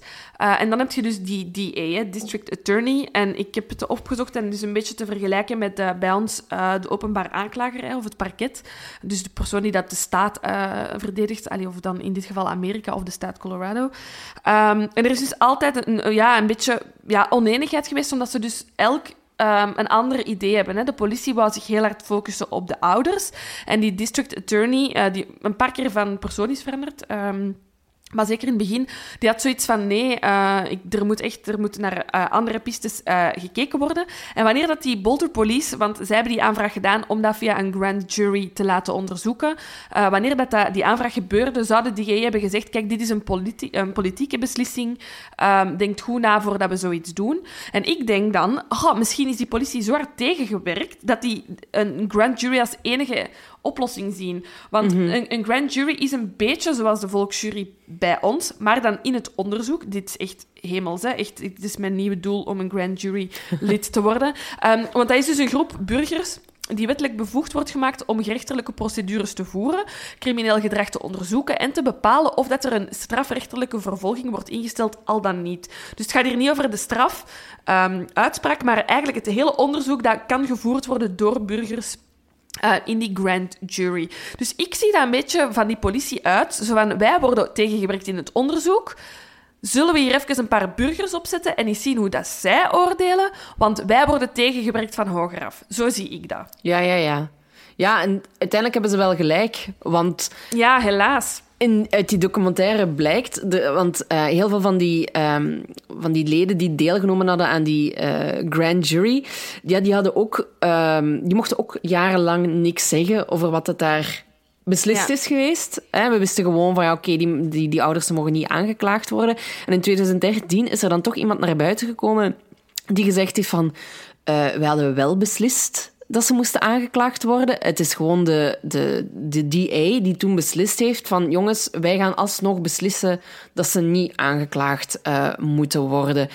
Dus ja, dat was een... een eh, ja, ik denk dat daar veel geld mee gemoeid is geweest ook. Ehm, Ja, en dat, dat de is... Ramseys veel aanzien hadden en dat ze, ja, dat ze iets konden regelen.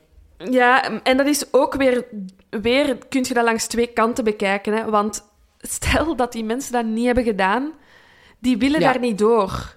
En dan, allee, je kunt dat geld gebruiken om te zeggen: Ik wil niet dat je onderzoek voert naar mij als hoofdverdachte, want ik kan het mentaal niet aan, of ik heb het gedaan en ik wil niet dat je het doet. Dat is weer iets dat je langs twee kanten kunt bekijken. Ehm, Maar ja, we weten ook niet of ze er uiteindelijk geld voor betaald hebben. Hè? Nee, nee, Ehm, er is dat geen, zijn er is geen- speculaties. ja, hè? er is geen bewijs. Ehm, nu, het kan bijna niet anders. Hè.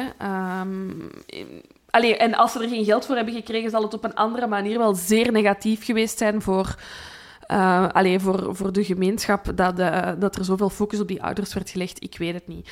Ehm, ik vond het ook heel opvallend dat ehm, in de documentaire in 2016 eh, gaan ze zo een rondje in de buurt waar dat de Ramseys hebben gewoond. En gaan ze wat aanbellen bij mensen om te vragen of dat mensen willen praten over de zaak. En letterlijk iedereen zegt nee. Ze vinden twee mensen die getuigen, maar dat waren dan ook... Allee, daar, ja, dat waren zo twee... Ja, geen, geen dichte, geen vrienden of zo. Dat was, dat was, heel ver en heel vaag. Eh, dus dat waren ook twee getuigenissen waar ik eh, niet zoveel bela- belang aan heb gehecht. Maar het is opvallend dat een hele gemeenschap beslist eh, om, om, niet- zwijgen. om te zwijgen, eigenlijk. Ehm, ik ga er niet van uit dat John Ramsey die allemaal heeft afgedragen en heeft betaald. ehm, maar dat ze gewoon zelf zoiets hebben van... Nee, ik wil, ik wil hier niet, mij hier niet in moeien of zo. Nee, dat is, ja, wat ook in die documentaire aan bod komt, is de, de soort van huisfotografe van, eh, van de Ramseys. Die zegt ook van, ja, ik had beslist om wel met de pers te gaan praten, omdat ik gerechtigheid wou vinden voor, voor John Benet en alles maar wou proberen om de zaak Ja. vooruit te, te helpen. Ehm, en maar onder de vrienden was afgesproken dat we dat niet zouden doen. En ik ben echt als een ketter verbannen geworden eh, uit die vriendengroep. Ik heb ook sindsdien nooit meer iets gehoord van eh, Patsy en John, terwijl, dat, terwijl dat heel goede vrienden waren. Ja, Dus ja, wat daar dan de achterliggende reden van is... Oh, ja, ik, weet, ik vind het gewoon heel dubbel, omdat ze zelf echt twee... eh, Dus ze hebben dat tv-optreden 1 januari gegeven. En ze hebben dan dus ze hebben 30 april pas met de politie gesproken. En 1 mei hebben ze dan, dus de dag erna, hebben ze terug een hele grote persconferentie gegeven. Ehm, ja, dan heb ik zoiets van, als jullie zelf wel met de media praten, waarom... En, en, en, en niet met de politie, waarom verbied je uw vrienden dan om wel met de politie en de media te praten? Ja, ik, vind, ik weet het niet. Ik weet het niet. Maar in ieder geval worden ze in 2008 definitief vrijgesproken, Ja. hè? Ja. Eh, Patsy en, eh, en John. Ja, er wordt regelmatig, ik denk dat er dus drie of vier rondes van DNA-testen gebeurd zijn. Hè, dus vlak na de feiten en dan eh, update na update. En in 2008 hebben ze dan echt de laatste, eh, de laatste keer DNA-onderzoek gedaan. Onder andere naar ehm, een DNA-spoor in, haar, eh, in het onderbroekje van, van John Benet. Eh, maar dat gaat over dus een, een, een mannelijk onbekend profiel. Eh, dus kan niet met iemand van de politie worden gematcht. eh, van de politie, van de familie. ehm, worden gematcht. Ehm, en ja, dus worden ze eigenlijk vanaf 2008 met rust gelaten. Ja, dus dan, dan blijft nog steeds de vraag over, was het dan toch een indringer, eventueel? Ehm, dus misschien dat we daar nu best even Ja, die piste bewandelen. ja. Dus tegelijkertijd dat, dat, eh, dat de Ramseys verdacht worden, zijn ze natuurlijk ook nog bezig met het pad van de, van de indringers. Of de indringer. Ehm, dus ja, ze hadden, al- je hebt al gezegd, ze hadden ontdekt dat er een raam kapot was in de kelder. En daar stond blijkbaar ook een koffer onder, waardoor dat iemand snel terug dat raam zou zijn kunnen uitgeklommen eh, zijn. Ehm, en op dat moment gaan ze er ook nog steeds vanuit dat het een seksueel gemotiveerde daad was. Hè? Ja. Omdat die eerste autopsie ehm, ja, laat uitschijnen dat er misschien wel eens iets gebeurd zou kunnen zijn. Nu, ehm, ja, er zijn, er zijn zoveel mogelijke daders aan bod gekomen. En ik heb er een beetje eigenlijk ehm, de interessantste Ja. uitgenomen. De eerste die ik zou willen behandelen is eh, Michael Helgoth. Ehm, die was eigenlijk... Ja, de, de Ramseys hadden ondertussen ook een privédetectieve aangesteld. Ehm, en volgens de privédetectieve was Michael eigenlijk een van de mogelijke daders. Hij was een elektricien die vlakbij het huis van de Ramseys te- eh, ja, werkte. En die zou een beetje ruzie gehad hebben met de Ramseys over een bepaald domein. Ik weet ook niet de details daarachter, wat daar precies de ruzie of het dispuut of discussie was.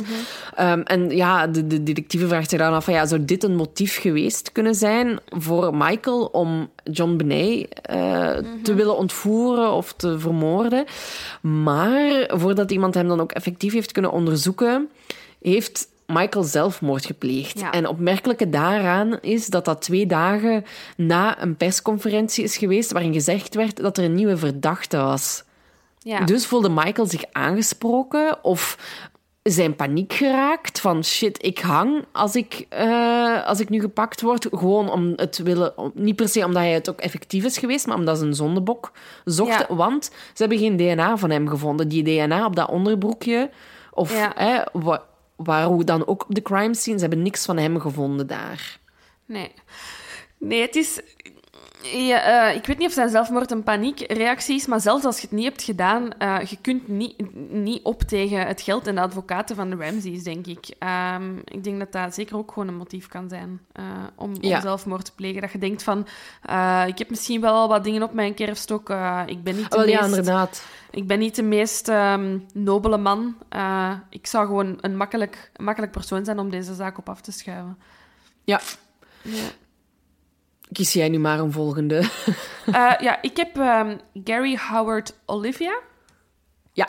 Ja, Ehm, in het algemeen eigenlijk, ehm, wat ik echt opvallend vond, eh, is dat er in de kerstperiode, of de, paar, de, de maand voor de moord op John Benet, er meer dan 100 inbraken waren in de buurt eh, waar dat de Ramseys woonden. En dat er 38 sex-offenders leefden op een straal van drie kilometer van, het, van de woning van eh, de Ramseys. Ehm, en dan bedenk ik mij dat ik dat niet wil weten van mezelf, eh, hoe dat, dat hier is. Ehm, maar dus ja, een van die individuelen die eh, verdacht is, is ehm, Gary Howard Olivia. Hij was al voor seksuele crimes ehm, op een kind, dus, allee, dus met een kind eh, veroordeeld. Wacht, hè. ja. eh, dus hij, hij was geregistreerd als sex-offender. ehm, en hij is ehm, dus verdacht geweest. Hij, is, ehm, hij heeft een verklaring afgelegd. En dan is, is dat eigenlijk vrij snel gaan liggen. Maar dan heeft hij de pech gehad dat hij in een eh, aflevering van 48 Hours ehm, letterlijk bij naam en toenaam is genoemd als verdachte in 2002. Ehm, dus dan is hij ook in een kleine mini-mediastorm terechtgekomen. Ehm, want oké, ja, hij is twee keer veroordeeld voor seksueel misbruik bij een kind. Maar hij komt niet in aanmerking voor de zaak van John Benet. En hij is wel natuurlijk op nationale televisie aangeduid als verdachte. Dus dat is niet supergoed. Nee, ik, ik heb ook nog over hem dat ze hem eigenlijk hadden gevonden. Omdat hij was gearresteerd voor. De politie had hem gearresteerd voor drugsgerelateerde feiten. Ehm, en in zijn rugzak zag, zat een, een, een pagina uit een tijdschrift waar John Benet op stond. Ehm, dus dat was raar. Eh, maar ze hebben hem dan toch al snel vrijgelaten. Ja. En daar, eh, ja, de politie heeft heel veel kritiek gekregen van de Ramseys en van hun privédetectieven. Ehm want ja, het is, hij, is een, hij is een pedofiel. Hij is al Ja, eh, ja. beticht geweest en aangeklaagd en in de gevangenis gezeten en zo. Want dat is ook waar, waar John zich heel wel schuldig over voelde, omdat John Benet dus die schoonheidswedstrijden deed. Ja. En hij had zoiets van, ja, misschien hebben we daar wel het verkeerde publiek mee aangetrokken. Ja, Ehm, dat, is, dat is een zeer verstandige, zeer verstandige gedachte, die helaas Ja. een beetje te laat gekomen is. Maar inderdaad, hè, ik bedoel, het is, als je op een of andere manier eh, in de aandacht van een, van, een, van een pedofiel wilt komen, gaat dan zeker met je kind schoonheidswedstrijden lopen. Allee, Voilà. eh, en no, dat, is, is, is heel stout wat ik nu zeg, en misschien iets te kort door de bocht. Ehm, maar ja, je weet natuurlijk dat, eh, ja, dat zo'n situaties eh ja, kinderlokkers gewoon aantrekken. Hè. Ja, en wat, wat nog in het nadeel spreekt eh, voor Gary, is dat een vriend van hem, eh, Michael Vale, eh, op een gegeven moment zelf naar de politie is ook gestapt. En die zegt van ja, Gary is echt sowieso schuldig. Want Gary zou niet zo lang na de moord in paniek naar Michael gebeld hebben.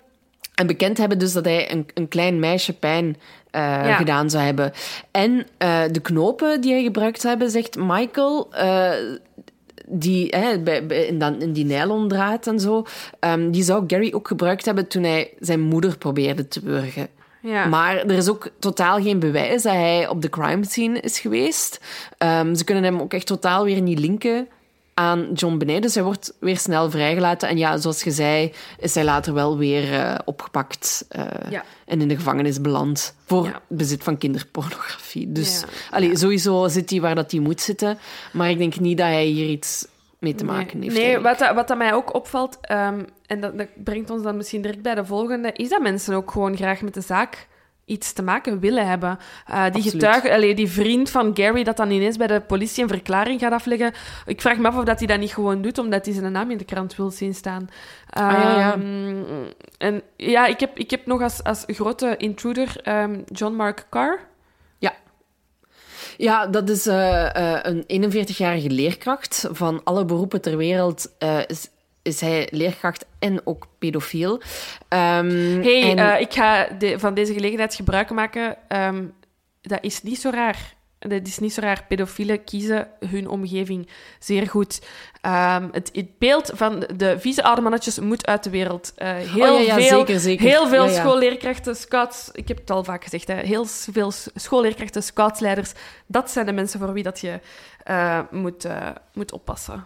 De... En zolang dat die mensen hun gevoelens kunnen onderdrukken en Ja. niks fout doen, kunnen we daar ook geen oordeel Hey, over vellen. en is- dat is ook is- schrijnend. Dat het die is mensen... super schrijnend dat dat uw geaardheid is. Eh, ik, ik wil ook niet op kinderen verliefd worden. En dat is bij die mensen zo. Ehm, maar het is niet zo raar dat die een omgeving opzoeken.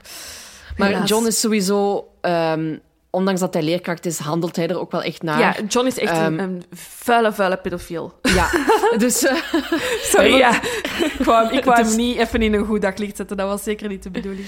Ehm, dus hij wordt eigenlijk pas in 2006 gearresteerd in Bangkok. eh, ja, 15 echt augustus. out of all places. Altijd. Als ze ergens zitten, dan is het in Thailand. Ik snap niet waarom. Ja, wat, heeft Thailand, wat heeft Thailand in hen misdaan? Ik snap het niet. Hij woont ook effectief in, in Bangkok, omdat hij Ja. in de VS wordt vervolgd voor kinderpornografie. Ja, Hè? ja. Ehm, en hij wordt gearresteerd omdat hij ja, bekend had dat hij John Benet had vermoord. En hij heeft dat gedaan doordat hij... ehm, hij begon eigenlijk e-mails te sturen naar een, een professor, Michael Tracy, die een do- documentaire aan het maken was ehm, over John Benet. Maar die e-mails werden nogal vrij verontrustend, heel snel. Eh, want Carr die was eigenlijk eh, helemaal seksueel geobsedeerd eh, door John Benet. En zo Ja. Zo is de politie dan bij hem terechtgekomen in Bangkok. Ehm, en hij zegt van ja, ehm, ik heb haar gedro- gedrogeerd, seksueel misbruikt. En dan heb ik er ja, hm, eh, per ongeluk vermoord. Maar, dat is waar. eh, maar de politie vond ook opnieuw geen enkel bewijs dat hij op de crime scene was geweest. Eh, laat staan dat hij in Boulder was geweest. Ehm, en wat dan ook blijkt, is dat John Carr eigenlijk alleen maar de basisfeiten heeft, die ook het algemene publiek weet vanuit kranten en eh, ja, nieuws op televisie en zo. Dus hij Ja. kon geen overtuigende details geven van hoe dat hij dan eh, John Benet zou hebben vermoord. En dat hij haar had gedrogeerd zou ook niet kloppen. Kon Nee. ook gewoon niet kloppen, omdat er niks van is teruggevonden in het lichaam van John Benet. Nee, inderdaad. En wat ik nog heb gevonden, maar ik heb dat maar op één plaats gevonden, dus ik weet niet of dat, dat klopt of dat het jaartal fout is. Ehm, hij zou in 2019 eh, opnieuw een interview hebben gegeven aan Investigation Discovery. Ehm, en hij zegt van ja, ik ken de identiteit van de moordenaar. Ehm, hij zegt dat hij erbij is geweest op het moment dat John Benet vermoord is, dat ze haar seksueel misbruikt zouden hebben en dat die andere persoon John Benet dan eh, zou vermoord hebben per ongeluk. Want hij zegt daarover, niemand wou dat, kleine meisje, dat dat kleine meisje doodging die nacht. Niemand. Haar dood was een ongeval. Ik was erbij toen ze stierf, maar ik heb het niet gedaan. Sure, John. Maar deze, de- John, Nope. deze John is gewoon iemand die ehm kikt op de aandacht. Ja, en, absoluut. ehm, er, ja, er heel graag bij betrokken wou geweest zijn. Of Ja, ja, degene wou zijn die ehm, de zaak zou oplossen of whatever. Maar ja, ze kunnen niks binden aan hem. nee, absoluut niet. Maar John Carr is een zeer gevaarlijk manneke. Want iemand die zo kikt op aandacht, dan denk ik... Goh, wat als hij op een dag ook eh, een... een allee, overgaat tot feiten gewoon om in de media te, te geraken. Hè. Ehm, Ja, ja, dus ja, ik, hoop, zeker. ik hoop echt dat hij ergens in een, eh, in een cel, ofwel in Thailand ofwel in, eh, in de Verenigde Staten zit. Want ehm, ja, zo'n mensen zijn heel gevaarlijk. Ja, en dan zijn er nog een paar, hè? Nog een paar... eh, Ja, ik, ik ben gestopt met intruders. Ja, ik, ik heb er nog wel een... een eh, ik heb Laat er nog gaan. twee. Laat u Ik heb er gaan. nog twee. Oké, dus ehm, wat ik een beetje zielig vind, is dat de huishoudster van de Ramses op een gegeven Oh moment jawel, ja, dat wordt. ook. Ja, ja, ja. Dat heb ik gewoon, dat heb ik gewoon uit mijn gedachten gebannen. Zeg, zo gemeen. Zielig, hè? Ja. Dus eh, dat gaat dan om Linda Hoffman Pugh. Ik weet niet hoe dat haar achternaam uitspreekt. Ehm, ze werkte al jarenlang eigenlijk als, huid, als huishoudster eh, voor de familie. En haar man Mervyn was de klusjesman. Dus Ja. heel schattig vind ik dat.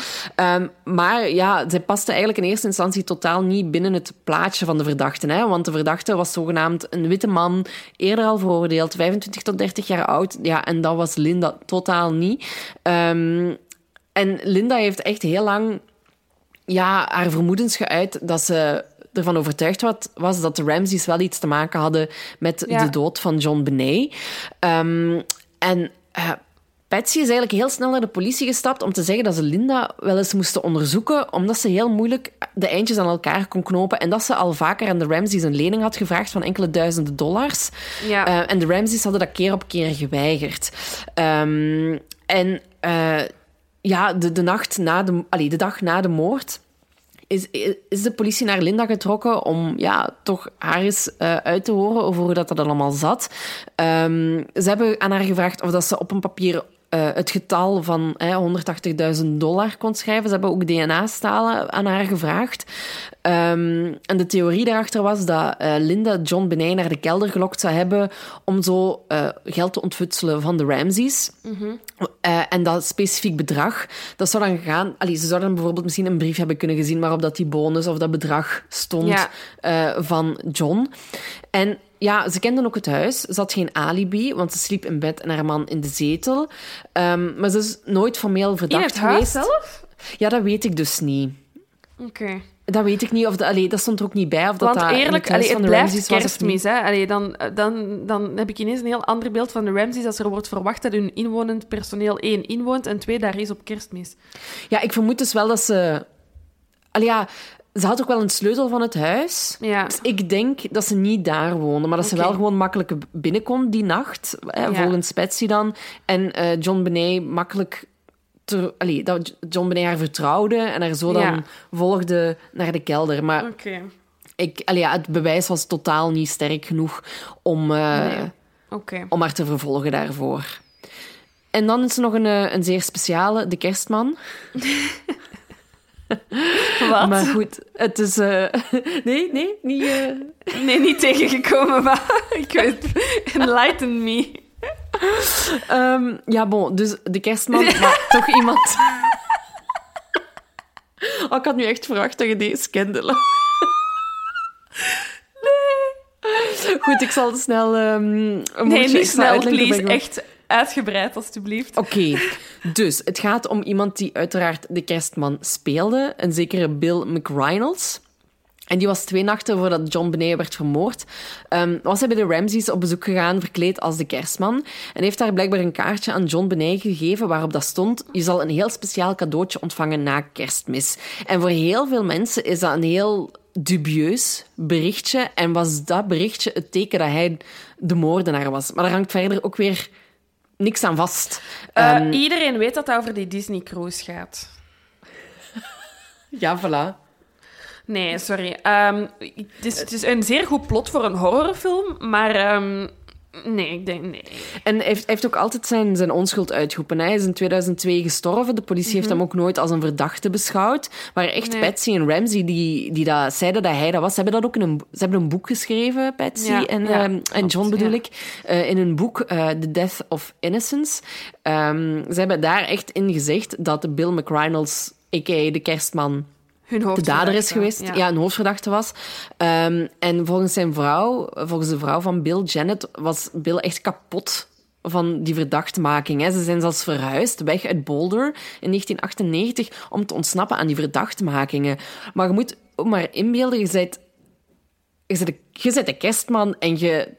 Allee, dat is je job, of je trekt je op. En nu ja, is volgend, dat helemaal... volgend jaar gaat niemand u vragen als kerstman. Nee, voilà. Nee, het is oh. gewoon voorbij. Dus ik snap wel dat ze die beslissing hebben gemaakt om te verhuizen. En verder was er ook totaal niks. De politie heeft hem nooit verdacht.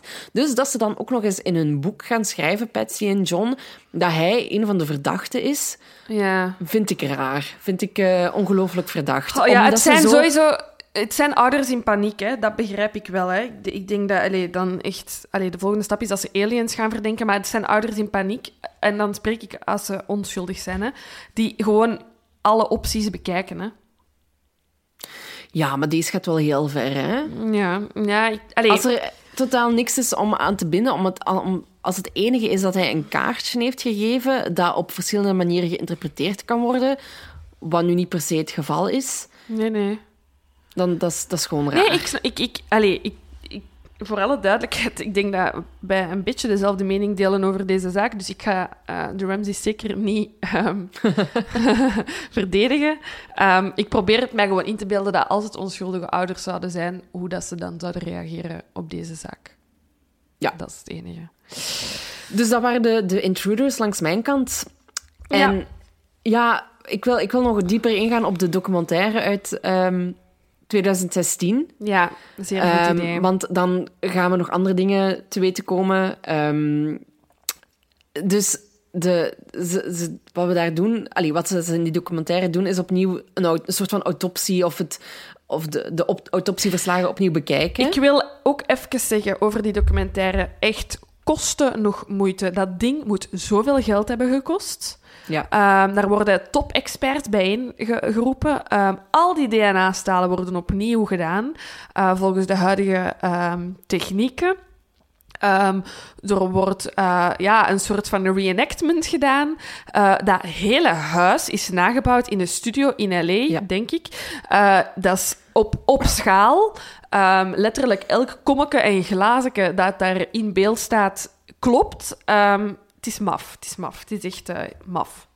Ja, het is een, een boeiende documentaire op twee eh, manieren, om het zo maar te zeggen. Op een Ja. heel goede manier, maar ook op een heel Amerikaanse manier. Ehm, wat ook al heel veel zegt over hoe dat het gemaakt is, natuurlijk. Hè. Ja. Ehm, nu, dus ze gaan die autopsie opnieuw eens bekijken. En ehm, een van de experts, eh, ik geloof dat hem Dr. Spitz heet, die, die zegt van ja, het moordwapen is een zaklantaarn. Ze hebben haar daarmee op haar hoofd geslagen, eh, waardoor ze hersendood was. En dan hebben ze haar gewurgd om te doen alsof ze door wurging was gestorven. Dus hij gaat ervan uit dat de impact op haar hoofd eh, dat dat de doodsoorzaak Ja. is geweest. Ja. Ehm, nu, hij zegt, hè, want dat, dat, dat is wat dat de journalisten in de, in de documentaire zeggen: van ja, maar hoe kan het dan dat er geen bloed is? Allee, er is nog een schedel ingeslagen. En hij zegt van ja, de huid was, is. De huid van, van op je schedel is zodanig elastisch dat de huid niet gebarsten was, maar Ja. wel de schedel die eronder zat. En de schedel van een zesjarige, dat, dat, dat is hetzelfde als een eierschaal. Dus die is Ja. heel makkelijk gebarsten. Veel En makkelijker dan- dan een huid. Is de documentaire mij eh, kwijtgeraakt. Dan ben ik heel, heel, heel kwaad geworden. Want los van het feit... Los van... ehm, dit, dit is echt zo'n beetje hè, eh, doel heiligt de middelen. Maar ze halen... Ze zetten ehm, een, echte schedel van een zesjarige. Ze spannen daar weer al varkenshuid Twee, over. hè? Twee. Ja, twee, ja. Dus, dus twee eh, eh, echte... Dus niet in plastic, hè. Het gaat hier echt over echte schedels. Daar Oh. spannen ze varkenshuid over. Weer al varkenshuid. Eh, daar zetten ze dan een, echt een, een... Sorry, maar eh pornoster blonde pruik op. En dan halen ze... En I kid you not, een tienjarige... om te proberen die schedel in te slagen met de zaklamp om te zien of dat een, ook een tienjarig kind die schedel kan inslaan. En nu zijn we er, want dit zijn we echt al lang aan het ehm, ontlopen. Ehm, maar als iemand van de familie ehm, John Benet al dan niet per ongeluk zou hebben vermoord, dan komen natuurlijk eerst John en Patsy in beeld. Maar eh, de tienjarige zoon, of op dat moment nog negen zelfs, Burke is ook aanwezig in de woning. En deze documentaire, ehm, ik vind het heel goed en heel boeiend om naar te kijken, maar die focussen zich heel hard op het feit dat Burke zijn zusje om het leven heeft gebracht. Ja, want wat, ja, wat dat zij eigenlijk zeggen is dat ehm, John Benet niet seksueel misbruikt is. En het kan ook... Ze hebben al die ehm, theorieën over dat het een indringer zou geweest kunnen zijn, echt gewoon debunked. Ehm, dus zij zeggen van ja, eh, hoe kon iemand ja, het huis binnendringen. Ze hebben echt naar dat raam gekeken, hè, want ze hadden heel het huis nagebouwd, eh, inclusief het raam en zo. Ze, allee, er, er hing blijkbaar een soort van spin, spinnenweb in het hoekje. Ja. En als iemand door het raam had, ge- had moeten klimmen, dan zou die, dat spinnenweb beschadigd zijn geweest. Hè. Er was, er hing ook heel veel stof aan en zo, dus het is Ja. niet dat dat een nieuw spinnenweb was. Ehm, hè, ze hebben ook eh, gezegd van ja, die brief duurde veel te lang. Hè. Wat we daar straks eigenlijk allemaal hebben gezegd, komt ook uit die documentaire.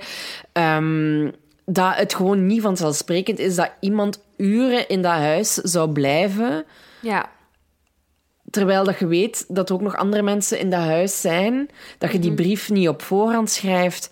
Ehm, Ja. Dus zij verwerpen echt die eh indringertheorie.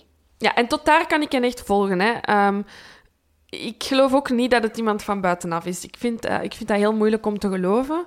Ehm, maar ik vind wel dat ze een stap te ver gaan door een tienjarige ehm, op een, op een, op een Ja, van een zesjarige te laten slagen. Dat kind dat, dat tien jaar was in die documentaire, eh, ik hoop dat hij goede psychologische begeleiding krijgt. Ik heb, echt, ik heb echt gedacht, terwijl dat hij aan het doen was, dit draagt hij voor de rest van zijn leven mee.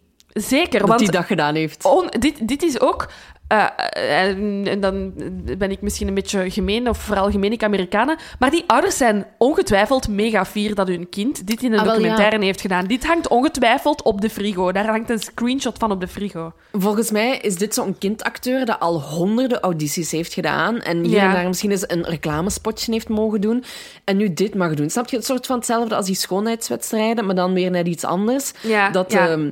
Ouders, er, dat is super Amerikaans natuurlijk ook, hè, er keihard achter staan. En eh, de, dat kind meesleuren van de ene auditie naar de andere. Hij lijkt dan ook nog eens een beetje op Burke. Ja. En ja, dan, dan is hij gekozen. en je ziet ook... Ik, ik vraag mij ook echt af hoe... Ja, hij is ook super fier, dat wou je zeggen, zeker. Hè? Hij is zo heel blij. Ja, Ja. ja. je ziet dat zo in zijn ogen dat hem iets mag doen. Allee, Ja. dat hem dat mag doen of zo. Ik, ik had echt gewoon heel graag de castingoproep gelezen voor dit. Ja, ja, ja. gezocht. Tienjarigen om een schedel in te slaan op tv.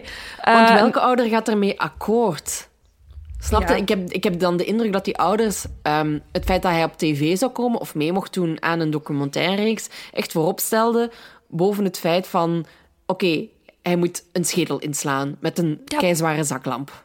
Ja, inderdaad. Heel raar. Ehm, ook, ik heb wel ehm, nog lang zitten zoeken naar hoe dat ze bij die zaklamp zijn gekomen. Ook die staat op die keukentafel, dat is waar. Ehm, maar ik heb zo even gemist hoe dat ze in die documentaire Ja. zo snel naar die zaklamp zijn gegrepen. Dat is eh Dr. Spitz die dat heeft. Oké, eh. Die zei van ja, ik, zag, ik heb foto's gezien van de keuken en opeens zag ik die, die, die, stond op, die zaklamp stond op foto's van Ja. het huis dat ze toen genomen hebben. Ja, En inderdaad. eh, hij was daar meteen op gesprongen van en hij heeft dan echt getest. En het, ehm, de, de het, het ronde hè, waarmee je schijnt, dat zou exact passen in de wonden Ja. van het hoofd van John Benet. Ja. Eh, ah, een nadeel is wel dat ze een DNA-test doen op die zaklamp en dat er ehm, niks van vingerafdrukken en niks van DNA te vinden is. Zowel niet op de, op de eh, zaklamp als op de batterijen. Dus dat, wil, dat wijst er dan misschien op dat iemand het heeft afgeveegd hè, Ja, na de feiten. Dat is waar. Dat, zou kan. kunnen, hè. Maar eh, ja, zoals gezegd, Burke was, was negen toen John Benet eh, werd vermoord. hij wordt eigenlijk twee weken nadien eh, geïnterviewd. Niet door de politie, maar door een soort van kinderpsycholoog. Ehm, en in dat eerste interview ziet hij er totaal niet gestresseerd uit of verdrietig. Hij is eerder zo wat speels. Ehm, en hij maakt zich ook totaal geen zorgen om, om de moordenaar. Hè, want Patsy is er echt van overtuigd, en, en John ook, dat er iemand anders eh, John Benet heeft, heeft vermoord. Dus Ja. dan zou je er toch van uitgaan dat, dat Burke ook heel erg bang is dat, ze misschien, dat die moordenaar misschien zou terugkomen. Maar daar is allemaal geen, geen teken van. En wat opmerkelijk is in, in, in dat interview, dat hij, is dat hij eigenlijk fysiek uitbeeldt hoe dat hij denkt dat John Benet gedood wordt met een mes of een hamer. Ja. Hij maakt echt Ja. zo die beweging met zijn arm, maar hij toont daarbij geen emotie. Ehm, nu, ik denk dat... Maar goed, wie ben ik? Ehm, dat Burke een beetje op het spectrum zit. Ehm, dat, dat, dat, misschien een, allee, dat dat misschien een verklaring is van hoe dat hij zich gedraagt. Ja. Ehm, want het is niet hoe een ander negenjarig kind zich wellicht zou gedragen. Nee, dat is waar. Anderzijds zijn die ehm, ondervragingen ook al door ettelijke eh, experts nagekeken eh, en herbekeken. En het is niet dat iemand zijn gedrag echt als verontrustend heeft benoemd. Ehm, je kunt zeggen dat hij raar is en daar, sorry, er geen twijfel dat hij een, een raar persoon is, zowel als kind als nu als volwassen man. Maar ja, opnieuw, ik vind het moeilijk om te oordelen over hoe dat iemand ehm, in zo'n situaties reageert. Dat is omdat waar. je dat nooit weet. Ehm, en ik heb, allee, ik heb het gevoel dat ze ook in die documentaire ook niet aanhalen dat, dat die kinderpsycholoog alarmerende eh, conclusies trekt uit haar gesprekken. Dat is waar. Ehm, Ja, ja, ja, allee, dus dat is gewoon wel even belangrijk om te melden. Maar als je de documentaire gaat kijken, gaat je direct zien wat dat we bedoelen. Hè. Ehm, ik had vooral de indruk dat, ehm, dat, de, eh, dat er door iemand anders aan Burke was gezegd wat hij moest zeggen. Of zeker niet Ja. mocht zeggen. Eh, want iets anders wat dat, wat dat, waar dat heel hard wordt op gefocust in de documentaire en ook in die gesprekken met die kinderpsycholoog, is een kom met fruit eh, dat op de keukentafel ook wordt, eh, wordt gevonden. Dus er staat op de keukentafel een, een, een, een ja, echt zo'n soepbol eh, gevuld met... ehm, en ik, ik ben ook weer bijna over mijn nek gegaan. Melk en ananasstukjes. Ja, dat snap ik Ehm, ook niet, nee. Ja, ik ben, ik ben sowieso niet, geen, geen melkdrinker. maar om daar dan ook nog eens stukken verse ananas in te doen... raar. Zonde. Raar, doe het niet. Ehm, maar Patsy herkent het dus wel. eh, bij, haar, als, als, eh, bij haar verklaring zegt ze... Ja, ehm, dat is een snack dat ik regelmatig maakte voor John Benet of voor Burke voordat ze gingen slapen. Eh, Ze vonden het heel lekker. Ehm, maar hoe dat het daar staat, zou ik het zelf nooit maken. Hè. Er zit in een soepkom en er zit een hele grote lepel in. Dat is iets dat we met een kleine lepel eten. Of, allee, ik zou het gewoon anders Ja. serveren. En als dat dan aan Burke wordt gevraagd, die foto wordt dan getoond, zegt hij exact hetzelfde. Alleen niet exact hetzelfde, maar hij zegt, is het cornflakes? Want ik eet enkel Is- cornflakes met zo'n lepel. En Hij is hij- heel lang stil. Hij Ja. kijkt heel lang naar die foto's van... Oei, misschien... Wat moet ik hier ook alweer over zeggen? ja, Is, ja, hij weet En goed daar- genoeg volgens mij dat dat ja ananas en, is. en daar ziet hij er heel betrapt uit. Ehm, en, en ik ga al een tip van mijn theorie, van de sluier van mijn theorie, eh, lichten. Voor mij is dit echt een essentieel deel van, de, van wat er gebeurd is. Ja, want ehm, ze hebben ook eh, dat kommetje eh, onderzocht op vingerafdrukken. Hè? Ja. Ehm, en ook het glas dat ernaast stond. En op het Ja. glas zaten eh, vingerafdrukken van, van Burke. Ehm, en op de schaal zaten toch ook wel vingerafdrukken van Patsy. Ja, Dus, maar geen, geen van John Benet. nee. Maar goed, ja, dat zou, allee, zou erop kunnen wijzen dat ze, dat ze misschien met haar hand... Ah ja, want ze had ananas in haar maag zitten. Ja. Dat ze Ja. ehm, ananas met haar vingers eruit zou hebben genomen. Ja, Dus die, die, die, die ananas, dat kommetje ananas, hoe banaal het ook klinkt, ehm, heeft heel veel te maken met onze theorie, denk ik. Ehm, Ja, Wat ja dat ik, er, vind, eh, ik vind het gewoon raar dat Patsy zo voor... Allee, waarom dat Patsy zo creepy... Allee, zo zegt van... Nee, ik, heb, ik, heb dat, ik zou dat nooit zo serveren. Dan denk ik... kind, doe eens normaal. Allee, het maakt daar niet meer... Het, het, het- ze creëren voor mij heel veel... Ze maken het zelf gewoon heel verdacht, dat kommetje ananas. Omdat zij zegt... Ja, het is een snack dat ik regelmatig zou geven aan mijn kinderen, maar ik zou dat nooit op die manier serveren. Zo maakt je toch gewoon al echt een, een, een mystiek object of zo. Ja, inderdaad. Het is, het is gewoon raar, want het is wel echt gewoon een feit dat ehm, John Benet ananas had gegeten een paar uur voor haar dood. Ja. Dat hebben ze echt zo kunnen vaststellen. Ik, en, ik snap gewoon niet wat er verkeerd is aan zeggen. We zijn thuisgekomen en... ah ja, ik weet het niet. Ja, bon, ja, maar dan past, hun, dan past ja. hun verhaal waarschijnlijk eh, niet Nee. meer. Hè. Ehm, eh, allee, ja, ik, ga- ik ga het dan maar gewoon eh, zeggen. Ehm, wat er dan gebeurd zou kunnen zijn, ehm, is dat... ja, dat ze thuis zijn gekomen, eh, dat, de, dat ze nog een kommetje ananas hebben genomen, allee, of, of Burke in ieder geval, en dat eh, ja, John Benet ook een stukje ananas wou, dat genomen heeft met haar handen. En dat Burke daarop eigenlijk echt gewoon woedend is geworden. Ehm, en het is ook niet de eerste keer dat eh, Burke nogal uit zijn krammen is gevlogen. Nee. Want in 1994 zou Burke John Benet eens met een golfclub geslagen hebben. En volgens Patsy was dat ook een ongeval.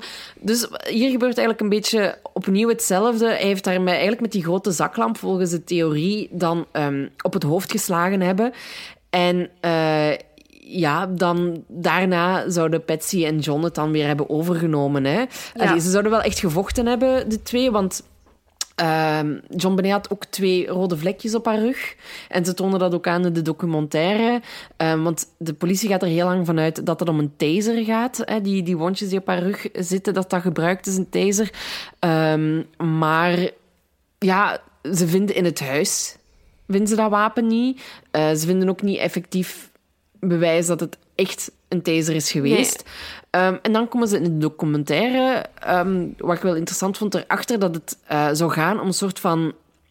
eh, ja, wat, we al zeiden, is dat er heel veel van dat treinspeelgoed stond, van miniatuurtrein dingetjes in de kelder ook dat eh, Burke een soort van ja, spoorweggetje genomen heeft, waar pinnetjes op zaten om het andere spoorweggedeelte daaraan vast te klikken, Ja. dat in de rug van ehm, John Benet. heeft John Benet gezien. heeft, ges- Ja. heeft geduwd. Ik, het ding is, vanaf dat dat ter sprake kwam in de documentaire, of vanaf het moment dat Burke eigenlijk in de picture komt als, als mogelijke dader, ehm, eh, heb ik dat zeker mijn korrels uitgenomen, want ik, zoals jij ook al hebt gezegd, de documentaire is super American en, en ja, dan geeft u ook het gevoel dat je het minder, eh, minder serieus kunt nemen of zo. Maar ik kan het mij gewoon wel levendig voorstellen. Ik heb een broer die twee jaar jonger is.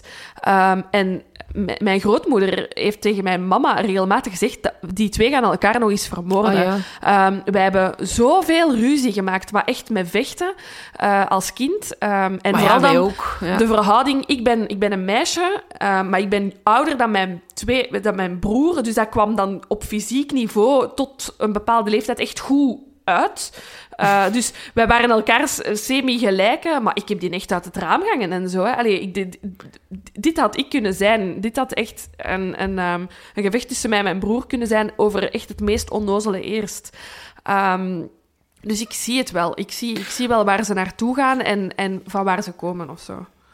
Ja, maar ja, ik, allee, ik heb ook vaak genoeg gevochten met mijn broer gewoon om het kasken van de televisie. Hè. Snap je? Ja, van die heel onnozele ja, ja. dingen dat we echt elkaar aan het stampen waren. Gewoon in de zetel en op de grond en zo. Love you, maar... eh, ja, ik wou het ook even zeggen, Thomas, love you. Ik zou je nooit meer, nooit meer, eh, nooit meer uit een raam gooien. Maar dat is wel, dat is wel echt, ge- echt gebeurd. En ik ben, ik ben allee, wat dan de volgende stap is, is dat volgens de documentaire eh, John en Patsy het dan hebben overgenomen. Ja. Eh, en dat zij verantwoordelijk zijn voor de cover-up. Dat een van hen ehm, dan John Benet heeft gewurgd. Eh, en dat Patsy dan de brief heeft geschreven, de 911-call heeft gedaan. Ehm, en dat het eigenlijk dus s'avonds nog is gebeurd voordat iedereen naar bed is gegaan. En dat ze dan eigenlijk ja, die zes uur, wat dat er nog tussen zat, gebruikt hebben om, Ja.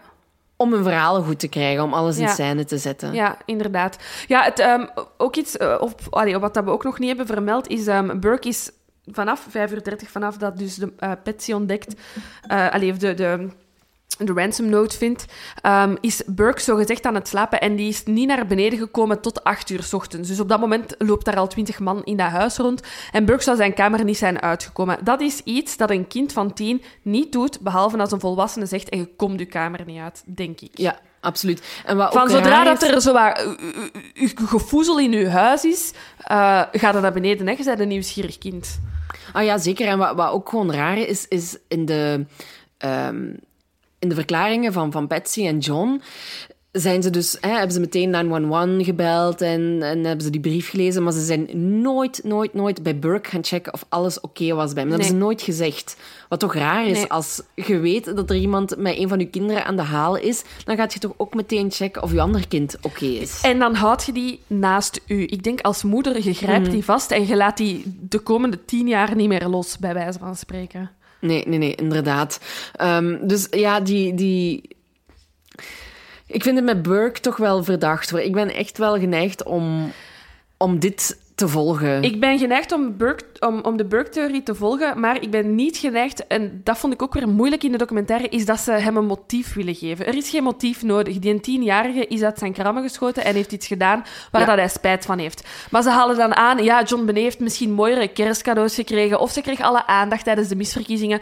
Dat wil ik allemaal niet geloven. Een, die, als dit is gebeurd, is dit voor mij een accident in een banale ruzie over een stuk ananas. Of, allee, zo, zo zie ik het. Ik denk sowieso dat Burke niet de intentie had om John Benet te doden, Nee. maar dat hij gewoon zijn eigen kracht niet kende en of, of niet kon inschatten wat dat de impact zou zijn. Eh, het is gewoon echt een split second geweest, die beslissing om die eh, zaklamp te nemen, ehm, die daar ja, dan toevallig stond, veronderstel ik. Ehm, Ja, ik, ik, ik zie het gewoon zo voor mij. Hè. Uw zus doet iets, die broer doet iets terug, die zus doet een beetje iets erger. En je bent gewoon zo een soort van Ja. opbouw aan het creëren. En dan gaat er iemand over en dan, ja, dan loopt het fout. En dat is gewoon volgens mij wat dat er hier gebeurd is.